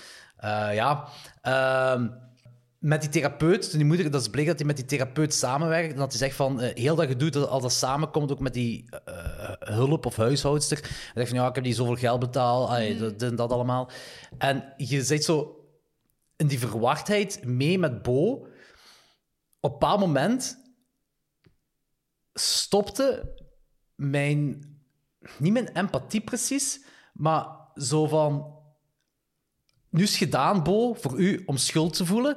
En dat het ding wat erna komt met de vader... werkte niet meer voor mij. Wat snap ik ook al zeggen? Want hetgeen wat met de vader komt, hè, het monster, wat het penismonster dat op zolder leeft, dat dat de vader is. eh, je kunt ermee lachen en whatever allemaal, maar het, het, het, het eigenlijke doel ervan is dat eh Bo doorheeft dat de moeder hem altijd beschermd heeft tegenover het eh, monster. En broer, Is dat zo? Ik, ja, ik weet het niet. Ik vind het een heel, heel symbolisch. eh, die stelling moet ook... ook eh, hey, er zitten ook wel, wel denk ik, een paar verwijzingen naar, naar Freud in, eh, in de film, eigenlijk. De theorie van Freud. Ehm, de film begint letterlijk met de geboorte van, van Bo. En, en, en, en Freud die, die, die heeft een theorie... was dat ik al er- vergeten, we hebben echt zo een POV uit de vagina. Ja, Sorry. geluiden waren echt heel vies. Ehm, maar alleszins, dus de geboorte, dat, dat, dat, dat eerst hm, lekker warm in, in de, de baarmoeder en dan eigenlijk Ja, direct ja. hè, gillen uit angst en zo, van die dingen eh, bij de geboorte. En dat, dat is heel, heel Freud eigenlijk. hè. Die heeft ook eh, die hele theorie van dat dat super traumatisch is, de geboorte, dat daar heel veel eh, neurotische trekken en zo uit kunnen voortkomen. Ehm, andere filosofen en, en, en, en theoretici, of, of hoe zeg je dat, hebben daar ook al... eh, al, al... Maar ja, dat zei ik terug, zei ik op het einde trouwens ook terug, maar daar gaan we subiet toe komen. Dat is echt een van de laatste scènes. En wat je ook zegt, ja, ja, de zolder, dat dat heel vaak een, ehm, in de filosofie bij, bij Freud eh, een symbool voor het onderbewustzijn is, de zolder. Dat is, Hetzelfde gelijk bij Hereditary. ja, Ja. Ja, ja het onderbewustzijn. Eh, als, we, als we dromen, dat, is- dat is de zolder, Ja, al die dingen. maar denk jij dan dat heel dat zolderding volledig verzonnen is? Of denk, want gelijk ik het... En ik zeg niet dat dat de waarheid is wat ik zeg, helemaal niet. Maar wat ik... Hoe ik dat heb... Allee, hoe moet ik zeggen? Hoe ik dat heb... eh, hoe dat bij mij binnenkwam, was van dat, dat hij wel effectief op... Niet misschien per se de zolder kwam, maar ergens wel op een kamer kwam. En dat er iets was wat, wat hem schrik aanjaagde. Niet dat gigantisch klei penismonster, dat nu niet. Maar iets van, van, van dat de moeder weet van, dit is hetgeen, daar heeft hij schrik van. Ik zeg dat het zijn vader is en ja. eh, dan houdt hij weer van mij. Of, Ja, ik vind, ik vind het want dat zijn gewoon wat wij nu hebben. Dat zijn twee verschillende manieren van naar een film kijken. Je hebt Zwaar. naar een film kijken en gewoon geëntertained zijn. En alles wat je ziet gewoon letterlijk nemen. Wat een superleuke manier is om naar een film te kijken. Wat ook een juiste manier is en zo. Maar, maar ah ja, een juiste manier... Ik bedoel, er zijn gewoon veel manieren om naar een film te zien. En dan heb je de manier dat ik nu even doe. Als, ah ja, niet per se, want toen ik er naar keek, heb ik hem ook gewoon over mij heen laten komen. Het is pas bij de tweede keer dat je zo wat probeert te analyseren. Ehm, en ja, ik zie daar zo allemaal symboliek in. En ik weet ook niet of dat, dat juist is. Want dat is Ik denk niet dat het draait om juist zijn of niet juist zijn. Ik denk gewoon van hoe je het zelf interpreteert. Maar ik, Ik zie niet penis onderdrukte seksualiteit. Dat, dat wordt weggestoken op de zolder. Oh ja. En inderdaad, eh, een, een tweelingbroer dat ook zo wat, wat vaag aan bod komt in, in de film. eh, Maar ook in zijn onderbewustzijn, in ja, zijn herinneringen ook. hè? Ja, in zijn herinneringen. En, en op zolder zien we dan een volwassen versie van die tweeling. eh, uitgehongerd, verwaarloosd. En we zagen eerder in de film dat zijn tweelingbroer dat hij eigenlijk veel assertiever was. Dat hij de moeder tegensprak en dat hij dit... En dan denk ik van, dat is zijn assertieve kant. Dat weggemoffeld Het is. is echt ja, ja, compleet symbolisch. Dat- ja, dat- dat is super symbolisch. dus dat ik nu echt even aan het doen ben. allemaal in zijn hoofd. Ja, Het is zo, ik snap waar je heen wilt gaan en ik ben, ik ben compleet mee met wat je wilt zeggen. En dat zou ook kunnen. Het- Hetgeen waar ik gewoon. En, ik heb dat, en dat ligt aan mij, maar ik heb er altijd zo wat moeite mee met van. Hoe speelt zich dat dan daar in realiteit op dat ja, moment maar, af? Maar dit is ook een hele moeilijke film om dat zo te bezien. Ik vind dat er heel veel, persoonlijk dat er heel veel symboliek in deze film zit, maar tegelijk is het inderdaad ook heel moeilijk om te zeggen van... Ja, dit is gewoon een man die aan tafel zit en die het allemaal in zijn hoofd afspeelt en zo. Dat is het het, is- ook niet. Het is zo... Het is, het is ja. ergens ertussenin waarschijnlijk. Of ja, Ja. Ik, pas op, ik vind dat een heel leuke take wat je zegt. hè. De, de onderdrukte seksualiteit wat daar op zolder is. En, en, eh, Ik vind en dat film- zolder onderbewustzijn is. En, en, en het zou goed kunnen dat... Ah, waarschijnlijk zal ook daar een deel van mee bedoeld zijn. Maar ik vraag me dan hoe het fysieke effectief op dat moment is. Dan zo van, ik, ik beschouw het dan nog altijd van, van... Ik denk dat er nog altijd is waar hij naartoe geleid wordt. Een kamer is waar hij Ja. geleid wordt. Daar is iets waar hij schrik van heeft. Waar dan, wa- waardoor dan... De, want anders valt voor mij heel vader, verle- eh, de, de, de, heel verhaling van de vader is dan compleet Ja. nutteloos voor mij. Ja. Ik, ah, weet je wel, het ding met deze films, die voelt heel persoonlijk aan. Ik heb eigenlijk gewoon een het gevoel dat wij zo, zo dat Ari, Ari Aster zijn dagboek heeft opengeslagen en heeft gezegd, wat is de meest fucked up manier dat ik deze gevoelens kan visualiseren. Eh, Maar ik vind, wel, ik vind dat heel interessant. Ik vind dat heel interessant. Ja, want, het is super... En ik, ik volg ook volledig wat jij zegt. Ik vind het heel moeilijk, om, omdat... eh, er gaat heel veel over in elkaar. En, en je hebt eigenlijk gewoon die twee theorieën. Hè, dat, dat zei ik aan het begin van de podcast ook, dat ik daar op het einde nog over wou, wou Mhm, hebben. Je hebt de theorie van alles was opgezet spel. De, de moeder had alle touwtjes, eh, trok aan alle touwtjes, had alles in handen. wat, wat Ehm, ik dacht. ja, en wat, wat ik eigenlijk ook op heel veel vlakken vind. Hè. Op heel veel vlakken vind ik ook. Ik vind het super cool om te zien als, eh, van, van, van, ah ja, dat is inderdaad zo in scène gezet. En alles was een test. Alles was een test om, om zijn liefde te bewijzen. En zij is mega streng en heeft gefaald. Dat is een super cool concept.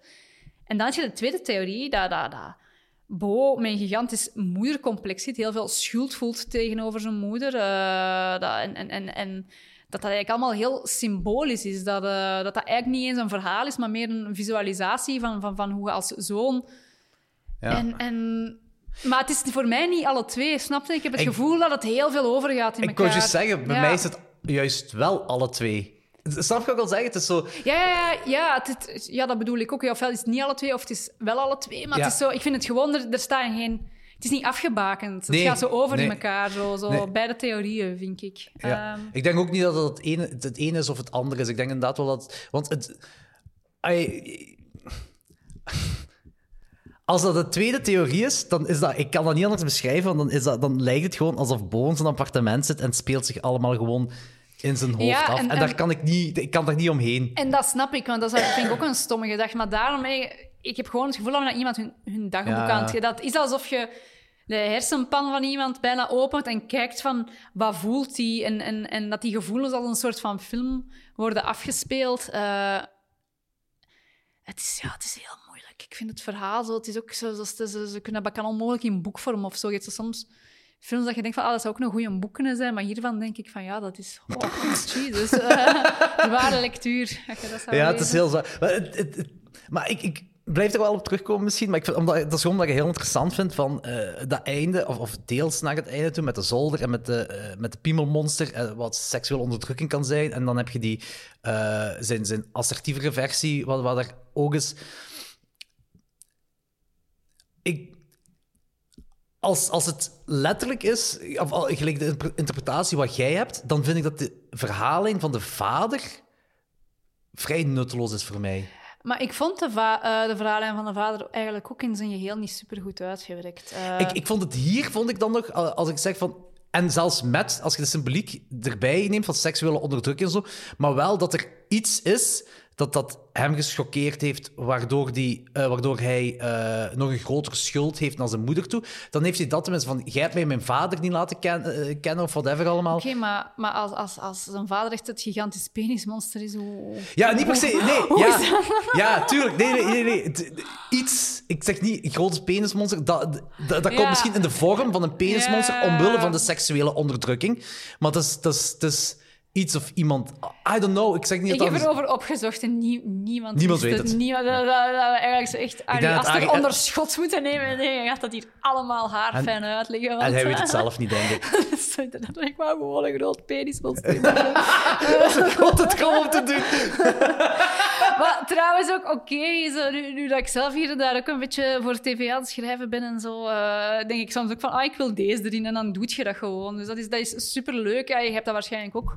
Toen dat jij je film maakte van, van ik wil deze. En, en het is mijn film, dus ik kan het er gewoon in zetten. En, en dat vind ik ook superleuk. Dat is vaak... Ja, tuurlijk. Maar het is dingen. gewoon omdat er zoveel symboliek achter zit, omdat Ja. alles zo goed in, in elkaar hangt, probeert je wel te zoeken achter van wat betekent het, hoe zit het nu in elkaar, hoe klopt het, klopt het niet, klopt Ja. het wel. En ik denk, je hebt wel gelijk, denk ik, daarin, van, ik denk dat deze film niet op de meest traditionele manier, zelfs met de symboliek en met de gelaagdheid erin, eh, niet 100% moet kloppen. Nee, Om dit verhaal te kunnen Ik denk dat je vertellen. hem over je moet heen laten komen en dat je gewoon plezier moet hebben in, in zoals wij nu aan het doen zijn. En, en het- Filosoferen. voor, ja, en voor jezelf te ontleden, maar daar daarom ook niet aan vast te houden of zo. Want ik denk dat dat, dat is een film is die je ook helemaal anders gaat bekijken aan de hand van, van hoe dat je zelf eh, in het leven staat, hoe dat misschien je eigen band met je moeder is. Mhm. Ehm, hopelijk beter als die van Bo. Amai. Maar ehm, ja, maar ik vond het, eh, voor mij is het, is het toch een beetje, denk ik, op het einde een symbolische film, maar het einde zo erover was dat ik zo dacht van, van dat kan toch niet echt zijn? We kunnen toch niet, niet opvatten Ah, nee, dat dit echt is. Zo. En dan heb ik echt over het einde einde, over de laatste scène. Je bedoelt met, de boot. Ja, en met de grot. Ah ja, ja, ja. Nee, nee, nee, nee. Dat, maar ik... Ik denk dat dat een evolutie is allemaal van hetgeen wat je zei op het begin. Van, dat eh, hij vergroot alles, hij uitvergroot alles. En dat dat gewoon een, een evolutie is naar nog een grotere uitvergroting van Ja. wat in het begin is. Ja, ja, En op een bepaald moment... Schuld, hè? Het is een, een rechtszaak op het einde. Een, rechtszaak, Over schuld, dat is, inderdaad. Dat is, eh, en dat is ook wel heel interessant, hè, want, want dat is, dat is het visuele dan bedoel ik, van met de twee advocaten tegenover elkaar. De ene is super ver weg, die andere is super dichtbij. Dus je weet ook zo wat er in zijn onderbewustzijn dichtbij is en wat er ver weg voor hem is en zo. Dus dat is wel interessant. En kapot neersplattert, à la. En ook weer als je het symbolisch bekijkt, je, je hebt zijn grote schuldgevoel en je hebt dan misschien ergens zijn, zijn, zijn rationaliteit of zo. Dat zegt van, ja, maar je moet dat zo bezien en je moet je daar toch niet zo schuldig over voelen. Maar die stem wordt eigenlijk letterlijk weggedrukt. hè, Ja, ja. ja, Ehm, en wat ik ook visueel wel heel cool vond, was dat je de film begint met een geboorte. En op het einde gaat hij zo terug met zijn bootje eigenlijk een gang door hè, naar die grot. Dat is zo echt zo precies van iemand dat terugkeert naar de baarmoeder. Zo. Ik weet het niet. Ah nee, dat was me zeker Ah, niet ja, ik vond opgevallen. dat, zel- zelfs bij de eerste keer dacht ik dat al zo. Omdat gewoon zo die, die gang met dat bootje, ik zag zo echt zo... Ja, Ja, ik snap het. het zou, het waarschijnlijk zal het wel mij, zijn, maar dat, had ik, dat had ik op dat moment zeker niet door. Ehm, ik vind het gewoon leuk dat dat een, een hele, eh, dat het een levensverhaal van hem is. ja, Dat we meemaken. En wat gebeurt er op het einde? Wat, eh, ah, spo- spoiler alert. De hele Maar, aflevering is allemaal spoiler. Ik zal het groot ook in de ja, dingen in zetten, de heel beschrijving ik daar zetten. wel bij zetten. Want wat zagen we helemaal in het begin, we hebben aan het begin van de podcast zitten, we zagen een kind spelen met een bootje en dat bootje kapseisde. Ah ja, juist gewoon. En wat ja, gebeurt er ja. op het einde? Bootje kapseist. Bo verliest min of meer zijn rechtszaak. De advocaat van zijn moeder zegt van, van ja, je hebt je moeder groot onrecht aangedaan door haar niet graag te zien, door haar, of haar niet graag te zien zoals zij wou dat jij haar graag had gezien. En het bootje van Bo kapseist en hij Ja. verdrinkt. Dat is heel, dat is heel tof, hè? Dat, eh, die, die foreshadowing dan. Dat. En het is daarmee ook dat ik denk, want nu blijf ik daar, kom ik daar weer op terug, maar dat zo, die rechtszaak is zo een grote uitvergroting Ja. van zijn schuld, dat alleen maar getriggerd kan worden door het grote penismonster, of whatever daar ook is, of whatever dat ook is. Ik bedoel eigenlijk gewoon de schuld dat hij beseft van mijn moeder heeft mij effectief beschermd. Want eerst gaat het toch, heeft hij zo van mijn moeder was fout, Ja, Zeker met die zaadlozing. En dan komt hij erop terug. Mijn moeder heeft mij wel beschermd tegen iets. ja. En dan denk ik dat die schuld groter en groter wordt. Op die manier. Want uiteindelijk in de rechtszaak wat geopperd wordt, want de advocaat gooit dan dingen naar hem, je hebt dit gedaan, je hebt dit gedaan. Al die dingen verdienen nu niet de doodstraf. Dus Nee, ja, maar het is, het is uitvergroot Ja, allemaal. Het is allemaal uitvergroot, ja. En het moet ergens een trigger zijn. En dat is daarmee dat ik zoiets heb van... De verhaallijn van de vader, hoe vaag dat die ook is, kan alleen maar iets of wat eh, betekenis hebben in het verhaal. Ehm, doordat er iets getriggerd wordt op het moment dat, die, dat de moeder dan... eh, dat, dat hij beseft dat hij effectief een schuld moet hebben tegenover zijn moeder. Ja, ah, dat is inderdaad wel een interessante take. Oh, het penismonster. Ik vind echt, ja... Ik vind dat Ari Aster op een dag toch moet uitleggen, het penismonster, wat exact zou zeggen. Want, Zat Bo gewoon in zijn appartement te dromen over penismonsters? of is hij effectief ergens naartoe gegaan? eh, Ja, oh, dat kan toch niet anders dan dat er binnenkort merch over het penismonster gereleased gaat worden. Zo klakken met een piemel op. Ik heb een klakje van Boys Afraid. Ik heb eh, Ah, gekregen. cool, ja, ja, zalig. zo het logo van, eh, van, eh, niet van het penismonster. nee, eh, het logo van, eh, van dat zo altijd terugkomt in de film. Ja, het bedrijf van de moeder staat op het klakje. dat is volgens mij ook... Mona Wasserman. Ik heb dat gelezen dat eh, op het begin van de film, als je de, de, dinges, de logo's van de echte studios hebt, komt dat er ook ja, tussen. stond er v- nog voor een paar echte logo's. Zo echt zo in de, niet op het einde of zo echt in de middle of the mix komt dat er al Dat is wel cool, hè? ja, dat is zalig. Ja, ja, ja. Eh, ja en, en, en zoals we straks zeiden, ja, met, bij, bij, bij Hereditary en, en, en Boys Afraid, heel grote parallellen. Inderdaad, inderdaad zo die keten van gebeurtenissen dat ingezet wordt, dat eigenlijk ook... eh, want wat je bij Hereditary had, was een beetje van... Niks was een keuze. Hè. Het was allemaal voorbestemd Ja, om zo te In gang gezet door iemand of iemanden. door familiebanden, hè, want het Ja. heet Hereditary. En ehm, ah ja, dat, vo- dat vond ik een heel interessante vergelijking. Dat kwam maar kort aan bod in Boys Afraid. Maar Hereditary is voor mij een beetje, als we het symbolisch zouden bekijken, van, van, van ehm, geestelijke gezondheid, dat die ook erfelijk is. Hè? Dus dat je in Hereditary, je hebt de, de, de, de moeder dat eigenlijk eh, bezeten is, is door, door, door hekserij, demonen en zo, dat daar heel hard mee bezig is en dat zo'n beetje als mental illness wordt beschouwd door haar dochter. Maar dan begint haar dochter daar ook door bezeten te geraken, Ja. een poging te reconnecten met, Ja. met, met haar eigen dochter. En, en, en, dus ja, zo, zo, zo. voor mij was dat een beetje een symbool van, van die, die geestelijke ongezondheid is doorgegeven. En hier in de film, dan eh, zei de moeder van Bo op een bepaald moment ook van ja, mijn eigen moeder heeft mij altijd mega kak behandeld en daarom heb ik altijd alles voor u gedaan. Maar je denkt van ja, nee, jij behandelt hem ook kak. Eh, Maar in haar hoofd.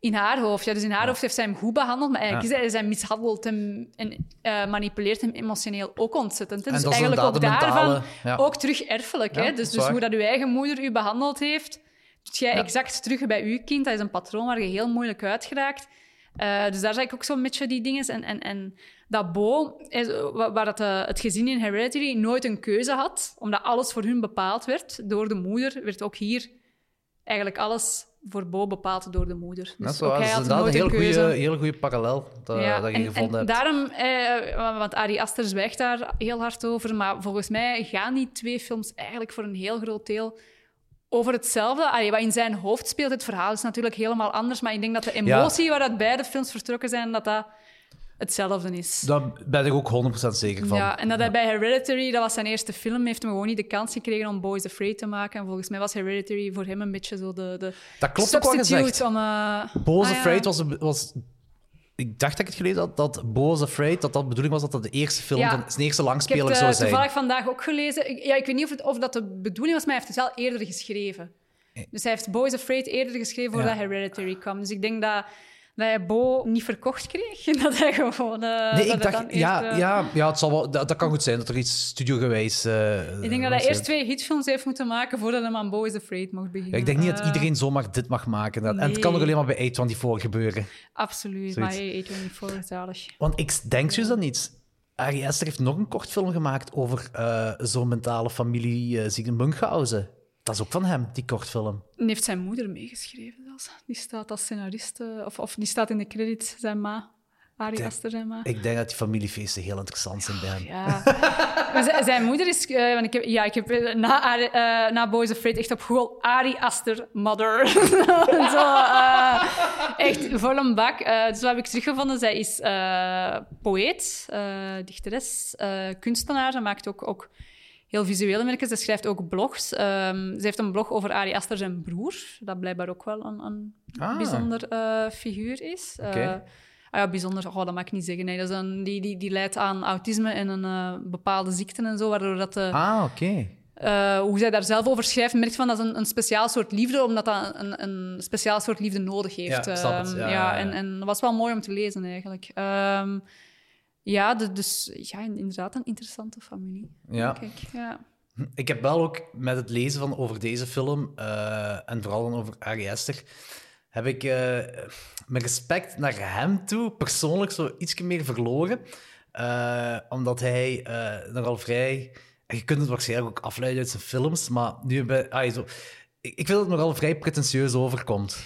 Ja, dat, oh, dat is wel, ja, dat is wel. Hij zegt ook zo van... eh, want hij heeft compleet de eh, deadline eh, gewoon overschreven. En ook zo zegt van... Ik, ik verklaar wanneer de film klaar is en niet jullie. En zo een beetje Hmm. Ja, wel niet. zo. En zo, de, op sommige Ja. vlakken is dat mij wel wel verloren. Natuurlijk zijn vaak echt zo de, de heel grote regisseurs dat zo in het leven staan. Ik heb toevallig eh, er straks nog over eh, Stanley Kubrick gelezen Ja, met ja, The maar- Shining en zo. eh, Dat- dat is, Daar wil je geen vrienden mee zijn. Of je geen vrienden mee zijn, want, denk ik. want acteurs zijn altijd wel superlovend over Ari Aster. Die werken daar heel graag mee samen en zo. ehm. Ja. Ah, Ari Aster. Ah, ja, met ik Ari dacht, Aster. ik dacht nee, Kubrick nee, bedoelde. Nee, nee, niet Nee, Kubrick. nee. nee.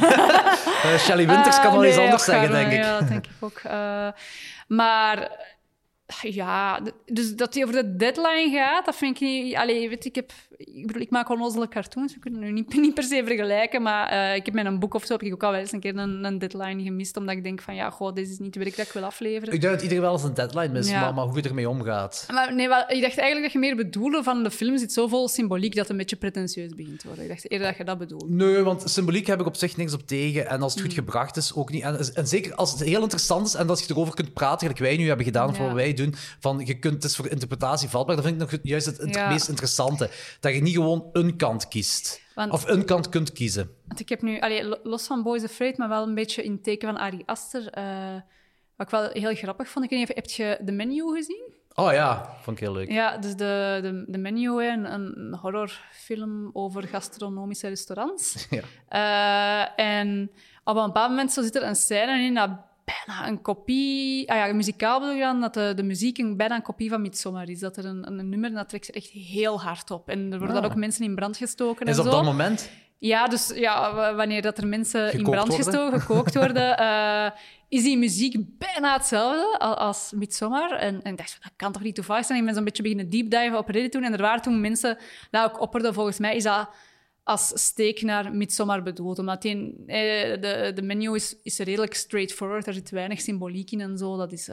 allee, dat wordt heel duidelijk allemaal uitgelegd waarom en, en waarom dat die keuzes genomen worden en zo. Eh, en dat dat misschien een beetje een steek zou kunnen zijn naar pretentieuze horrorfilms, waarin dat de kijker, zoals wij nu hebben gedaan, alles voor zichzelf kapot moet analyseren. Ehm, dat vond ik nog wel een beetje grappig, want allee, pas op, ik, ah, ik zeg, ik ben een keigrote Ari Aster van, ik ben een keigrote A24 van, zeker op vlak van wat die van horror uitbrengen en zo. Maar er zit altijd wel een stukje pretentie in, Ja, dat is ook wel. Dat vaak? is zeker. Dat Ah, is, ze hebben eh, ook wel een paar goede slasherfilms dat ook allemaal heel straightforward zijn, maar heel vaak, like The Witch en zo, wat ook een geniale film is, maar ook Mhm. daar, hè, van... Zo, zo, zo mensen... Dat, eh, dat is super hard in, in, into screams en zo. Ik weet niet hoeveel enjoyment dat die... die ah. Ik, Maar ik, denk- vind Scream ook gewoon... Ik haal, ik haal uit beide films. Er zijn genoeg mensen die uit beide enjoyment halen. Maar ik kan me wel Ja. voorstellen, van mensen die eigenlijk niet super hard into horror zijn, maar gewoon. Into eh, Ja. Mhm. entertainment, in, in een leuke shock value en zo, kan ik mij wel voorstellen Ja. dat als die naar dit soort film kijken, dat die Dat er is, eigenlijk dat is niks heel aan pretentieuze dingen Ja. voor hun. Ik snap het wel wat je wilt zeggen. Ik ben ook iemand die zo de beide dingen heel eh, leuk vindt. Ik, ik ben ook zo iemand die afwisseling nodig heeft. Gelijk toen A24 echt begon op te komen, en dan bedoel ik met The Witch vooral. Ik denk It Follows is niet van A24, Nee. hè. Maar dat is ook zo wat... Wel dat zou kunnen. Het zou kunnen. Of zelfs die Maniac remake eh, van, van 2013 ondertussen. Dat is ook, weet je, zo de... Meer, ze noemen dat toch post-horror of zo. Eh, op, ik ben daar heel grote fan van en ik was ook Mm. mee met alles, met al die dingen. Ik ben niet mee met elke film dat A24 heeft uitgebracht. nee, nee, Hole in the. Ground van... eh, Eh, die heb ik nog niet gezien. dat is van degene die de nieuwe Evil Dead gemaakt heeft. Ah, dat is dezelfde cool. regisseur. Ja. Ehm, wa- was ik dan zo bijvoorbeeld wat minder... Maar dat maakt niet veel uit. Maar ik heb ook zoiets na een tijd zo van... Kijk, A24 domineert nu qua independent label het Hollywood-landschap. Eh, Op independent Ja. niveau dan. Hè. En dat vind ik heel graag, ook met Beef eh, op Netflix. Ah ja, vind ik ook, Beef, zalig, eh, Fantastisch. Dus die doen dat keigoed. En ik kan alleen maar rooten voor hun.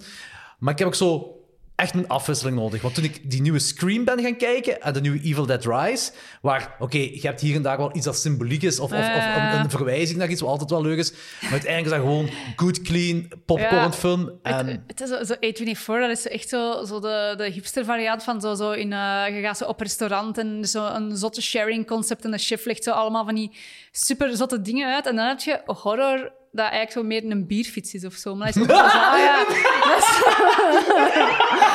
Bierfiets. ja, ik weet niet wat. Die verwijzing heb ik nog nooit gehoord, maar vind ik wel Ja, nee, maar, ik stel mij gewoon voor, weet je, een, een, een bierfiets, daar zit ook niet, niet veel symboliek of weet ik veel achter. maar dat kan in de juiste omstandigheden wel tof zijn, neem ik aan. Ik heb nog nooit gedaan, maar die mensen lijken zich altijd goed te amuseren. Dus, eh, eh, het is- Ik, dat is een geniale vergelijking. Ehm, Ja. Anthony vergelijkt het zo, en dat, dat is iets waar ik zo net iets meer, maar ik denk dat dat is zelf wat jij bedoelt. Van, je kunt zoals gastronomers gaan eten en, eh, en dat, dat is pretentieus en dat, dat, dat, is, dat, dat iets meer stijl. En, en het, gaat niet, het draait niet alleen om het eten, het draait om de ervaring, et cetera allemaal. Of je kunt ook gewoon een vettig frit gaan halen. ja, voilà. ja, dat is eigenlijk exact hetzelfde. Maar ik vond een bierfiets zo nog net de. Ik heb gewoon nooit een bierfiets gedaan. Dus, eh, dat vind ik wel heel funny. maar die mensen amuseren zich altijd. Dus, weet je, Ja, eh, het is ook wel zo. Ik denk, ik denk zo gelijk die. In de, in de tussen aanhalingstekens horror community. Ik denk wel zo. Over het algemeen A24 en over het algemeen eh, gewoon een oprecht goede horrorfilm. Zoals Evil Dead Rise of een Barbarian. of Barbarian of zo. Dat niet super gelaagd is of zo. Er zijn fans van beide. Dus het is, het is gemeenschappelijke delers. Het is gewoon zo de, ehm, de meer... En ik, ik weet niet juist hoe ik het moet verwoorden, maar de meest... De meer popcorn filmliefhebber die zegt van, ah, gaan we vandaag eens een horrorfilm kijken in de cinema en het is, weet ik veel, ehm The Conjuring 7 of, of Annabelle of zo. En, en dat ze daar effectief schrik- Die mensen zeggen Ja. van, oké, nu hebben we goed gehorror vanavond. Die gaan niet zo kunnen genieten van dit soort films, denk ik. Nee, ja, terwijl zo popcornfilm. Ik had een zak chips gekocht tijdens Boys the Frame, maar je zit daar dan zo met, met, met vijf man in de zaal of zo. Je veel lawaai, hè? Ja, zo kei veel stille scènes. Ik dacht wat, een chipje en opeens viel die scènes helemaal... En ik durfde daar niet op te kauwen. Ik was echt zo helemaal wak in mijn mond laten worden. En dan, zo, zo, zo echt zo, zo met je tong zo wat plat drukken dat je het kon inzien. Dat was echt heel, heel erg. Dat is, eh, Dus ik snap heel goed dat je ook gewoon naar een, een Evil Dead wilt gaan. Wat trouwens, ik moet, ik moet de nieuwe nog zien, maar ik vond... Fantastisch. ik vond de Echt zo zalig. 2013 vond ik zo goed. Dat is echt... eh, Die is heel gelijk. Die is, die is gelijkaardig. Ehm, ik vind wel... Ah ja, ik ben, ik ben een beetje aan het afwijken. Dat we altijd, maar klok 12. ja, Dat is oké. Maar ik weet dat ik had zo heel veel schrik, of heb nog altijd wel een beetje schrik om die nieuwe in de cinema te gaan zien. Omdat ja, ik, ik, kan niet altijd goed tussen, tegen gore. Eh, ik kan daar tegen op klein scherm, maar op groot scherm vind ik dat toch wel, wel zo, zo, zo wat vies.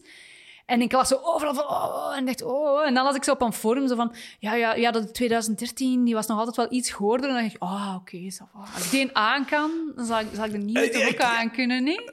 Ik weet... eh, Ze zijn gewaagd aan elkaar qua Ah, goreness. Ze zijn echt gewaagd aan elkaar. Hier heb je gewoon nieuwe methodes van goreheid, zal ik het zo zeggen. En er is Ja. zelfs een bepaald moment, en ik ga het niet spoilen voor u... kaasrasp. Wat blieft? Met de kaasrasp? Het is, het is, nee, ik heb het over iets heel anders. Ah. Ik had de Eh, kaasraps in de trailer gezien. Ik vond dat heel grappig, omdat ik een paar maanden geleden ook een stuk van mijn hand geraspt heb. En dat was ook, ja, Met opzet. Nee. nee, we werden... Oh ja, het eigenlijk is al een jaar geleden. Ze werden uitgenodigd bij de nieuwe buren en die hadden pasta gemaakt en met, met, met kaas. En ik heb toen zo... Ik ken het zo, ah, nieuwe buren.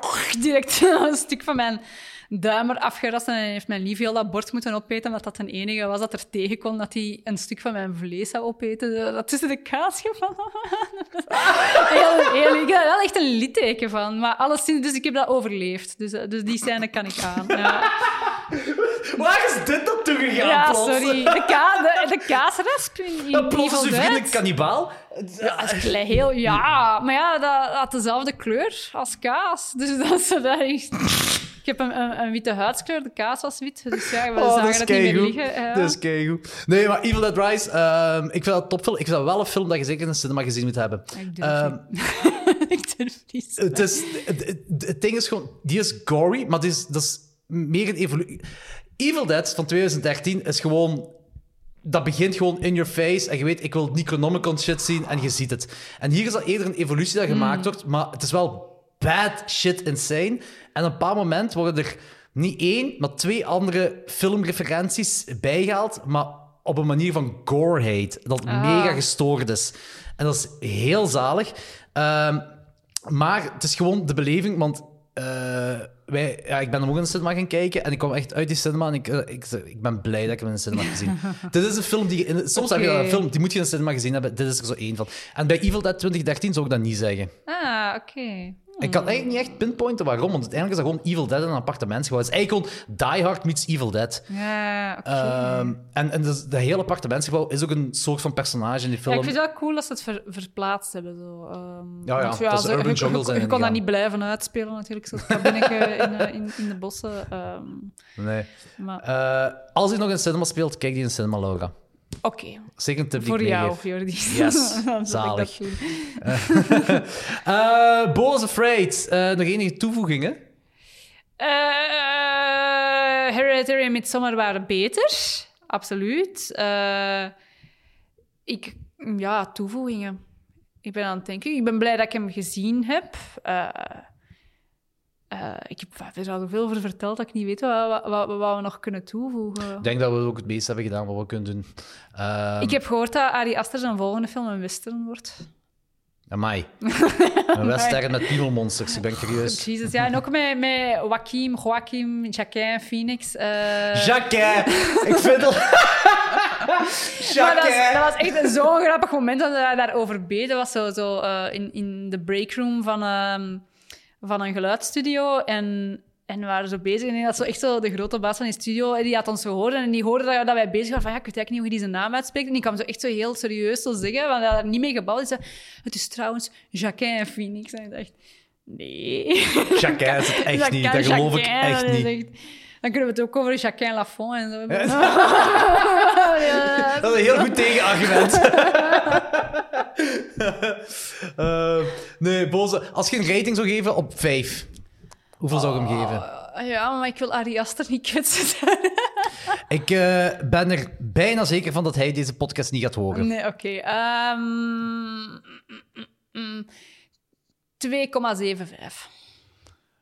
Oh, dat is eh, lager dan ik had verwacht. Ja.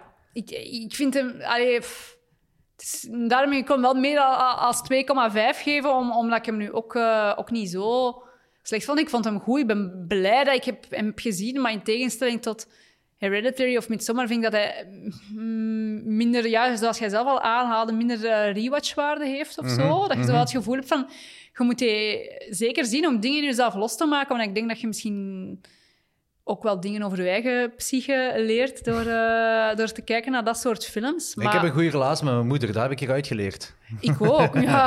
ik, ik absoluut ook, eh, verge- vergeleken met Boom. Maar ehm, ja, want het is, Hereditary is... is allee, daar zit ook superveel veel zware thematiek in en zo, maar daar zitten oprecht heel scary beelden in. Het is gewoon echt een hele, hele enge film. Dat is cool om die nog eens te zien, zo om de zoveel tijd. Maar Het, het fijne aan Hereditary is, dat is, dat is zo... Je, je bovenste laag is drama, je onderste laag is horror. Het fijne aan Mm. Boos is Afraid is dat, dat zo, je zit zo in die nightmare comedy of zo Ja. verwikkeld. En dat vind ik een heel leuk... En dat is, dat is ook een moeilijk ding om te maken, volgens mij ook.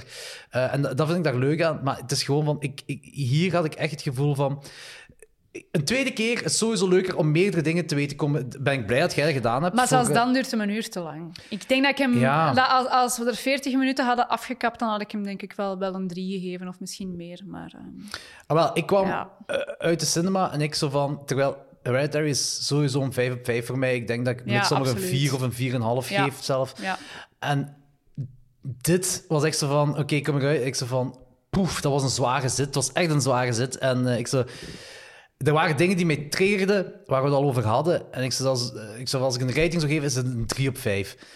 Eh, en dan ben ik gaan slapen thuis en ik word wakker en ik was nog altijd aan Bo aan het denken. Ik was nog altijd aan bepaalde dingen aan het denken die, eh, die ik weet niet meer dat zwaar aan het denken was. Waarschijnlijk zult je het nu ook al aangekaart hebben en bij, het- bij Rewatch wordt dat ook duidelijker. Ik, zo van, ah, ik blijf er wel aan denken. Hè. We zijn een dag verder en het blijft wel in mijn hoofd. Dus misschien dat ik hem toch nog een half puntje meer geef. Oké. Ja, weet je, ik ben, ik ben er zo tijdens... Ik ga, ik ga misschien ook wel een 3 geven. Het moet niet van mij. Het moet niet van Nee, mij. nee, maar, maar, ik, maar ik vind mijn, mijn, mijn, mijn 2,75 is meer, meer gebaseerd op van... Ik, goh, ik wil hem nu eigenlijk niet direct terug een derde keer zien, maar dat is misschien ook wel wat oneerlijk, want er zijn genoeg films dat ik super goed vind en dat ik zelfs geen tweede keer meer wil, wil zien, omdat Ja. ik ze zo afschuwelijk vond. Dus... eh was, Ja. Het, het- gelijk aankaart, het is een, zeker 40 tot 45 minuten te lang. Eh, ja, ik vond het wel echt heel lang. Dat heeft voor mij wel een beetje... ehm, ja. En ook die vader daar in het bos. Ja, ja... Er zijn zo dingen... Ik, ik, Ik vind dat, d- dit vind ik er leuk aan, dat er bepaalde dingen symboliek, de- symbolische dingen zijn. Dat, eh, dat jij hebt er een interpretatie over, ik heb er een pra- interpretatie over, iemand anders misschien nog, nog iets anders. En dat vind ik heel leuk, heel leuk. Er is geen echt antwoord. Dat is een heel leuk gegeven. Ja. Maar soms zijn er dingen dat ik denk van, jij gooit dat erin. En betekent Ja. het wel iets? Is dat gewoon om erin te gooien? En dan is het van... ah, En wat, wat, wat- Of is dat te ver gezocht? Ja, ja nee, nee, ik ver- versta wel wat je wilt zeggen, want je wilt zo... Ja, het is wat we juist zeiden, hè. je wilt ook niet altijd alles overanalyseren en nadenken en zo, maar, maar, soms heb je ook het gevoel van, ja, maar ik begrijp het niet, dus ik moet erover nadenken. Je wordt dan zo precies gedwongen om erover na te denken, wat dan eigenlijk, ja... Ik ben het misschien ook niet goed aan het uitleggen, hoor. Maar... Nee, ik snap wat je bedoelt, want ik had hetzelfde gevoel de eerste keer dat ik dat had, was met Donnie Darko. Een, eh, Ah ja, niet, hoor. way dat is back ook in zo... van, eh, eh, 2000 of whatever. Dat ik echt toen, of 2003, ik weet niet juist dat ik echt toen... Maar dat vond ik dan wel een heel is goede film. Ja, ik vind die ook super cool, maar hij is eigenlijk ook echt zo'n pretentieuze film al. Hè? Maar dat is, die is goed, maar je weet zo tegelijk zo van... Als je zo eigenlijk gewoon op zoek zit naar puur entertainment, Ja, dan gaat dan dat- is dat ook niet echt de, En de film. Ja. De director's cut dat is, is heel slecht, hè? Ah, is het waar? Dat Ja, de- dat- We hebben de DVD nogthans. Maar, eh, Maar ik weet niet of de director's cut op die DVD Ah, staat. Je moet de- normaal gezien staat daar expliciet wel bij. Eh, die is heel pretentieus en heel verwarrend. en echt... oh, nee, nee, het schijnt dat hij juist alles uitlegt wat hij niet moet uitleggen. Maar wel op een heel Ah, pretentieus oké. niveau. Ehm, en daar is dus de, de studioversie beter. Maar ik weet wel nog, toen ik die film gezien had, dat ik zo op het internet en zoveel mogelijk voorhand afzoeken was van wat betekent dat? Wat betekent dat? Wat wil dat zeggen? Heb ik gelijk hierin? Eh. Maar heel grappig, ik heb die heel recent nog gezien, toen ik nog geen maand geleden, denk ik, bij die opgezet. En wat ik heel grappig vond, was dat Seth Rogen daarin meedeed. Ja, een heel kleine rol. Maar- Seth Rogen, jij hier? eh, was zo, eh, Eh, nee, Balls Afraid. Ik vind dat heel moeilijk om aan te raden. Eh, bij Red Dead Midsommar was onmiddellijk... Ga die film kijken! Maar ik denk, als je van, van Ari Aster... hou- Als het niet gewoon is van, ah, ik vond Hereditary een goede vraag. Gewoon van, van, van de manier waarop dat Ari Aster zijn, zijn, zijn dingen in beeld brengt, hoe die dingen vertelt en zo, moet je die absoluut gezien hebben. Hè? Dat, dat wel, hè? absoluut. Ehm, Ja, maar... ja, ja dus, dus, dus, dus, dus, ja ik, ik weet het niet. Ik weet het niet. Ik, ik vind het moeilijk. Ik, ik, ik kan niet zeggen dat als je eh, van Ari Aster houdt, dat je deze film, dat je, daar, dat, dat je niet kwaad gaat worden op mij, omdat ik drie uur van je leven heb kwijtgespeeld. Ja, ja, Ik weet het niet. Ik vind het, ik Het vind is het echt een allemaal moeilijke. Jordi zijn schuld. Eh, ik vind het heel moeilijk. Ik vind het een heel interessant om gezien te hebben. Het is En allemaal Ari Aster zijn moeder zijn schuld. Ehm, ik ben ook blij dat ik hem gezien heb, maar zoals ik eerder aankaart, een rewatch ga ik heel moeilijk vinden. Nu, kijk, voor hetzelfde geld hebben wij filmgeschiedenis zien ontstaan. Het is zo'n film dat over zoveel jaar ook echt, echt op school gegeven wordt en zo, vanwege de keuzes dat gemaakt werden. Eh, misschien is het gelijk die Back to the Future quote. Hè? Eh, you guys aren't ready for that, but your kids are gonna love it. Eh, ik- ja, ik weet het niet. Ben ik als mijn kleine hiervan gaat houden. Ah, gaat je kleine Bo noemen? ik heb gezegd Laura, ik zeg niks over de naam. Ik zeg niks over de naam. Niks. Ah, nee, nee, nee, je gaat hem wakker. Jackie. Jacquin Ostier. Jackie. Dat gaat hem worden. Ehm, goed, Laura, dikke, dikke merci dat je deze eh, deep dive into Boas of wou doen met mij. Ook Met heel, veel plezier. Heel zalig dat je echt hebt eh, ingestudeerd in de film. Om eh, bij te brengen. Ik denk Het dus- was ook voor mijn gemoedsrust, hoor. Maar Ik zeg het van, de film dwingt u tot nadenken, dus... waar. Ja. Ik denk dat je ook niet dieper kunt gaan in die film dan dat wij nu gedaan hebben. nee, dat denk ik ook. Eh, goed, merci en tot de volgende keer. Tot de volgende keer.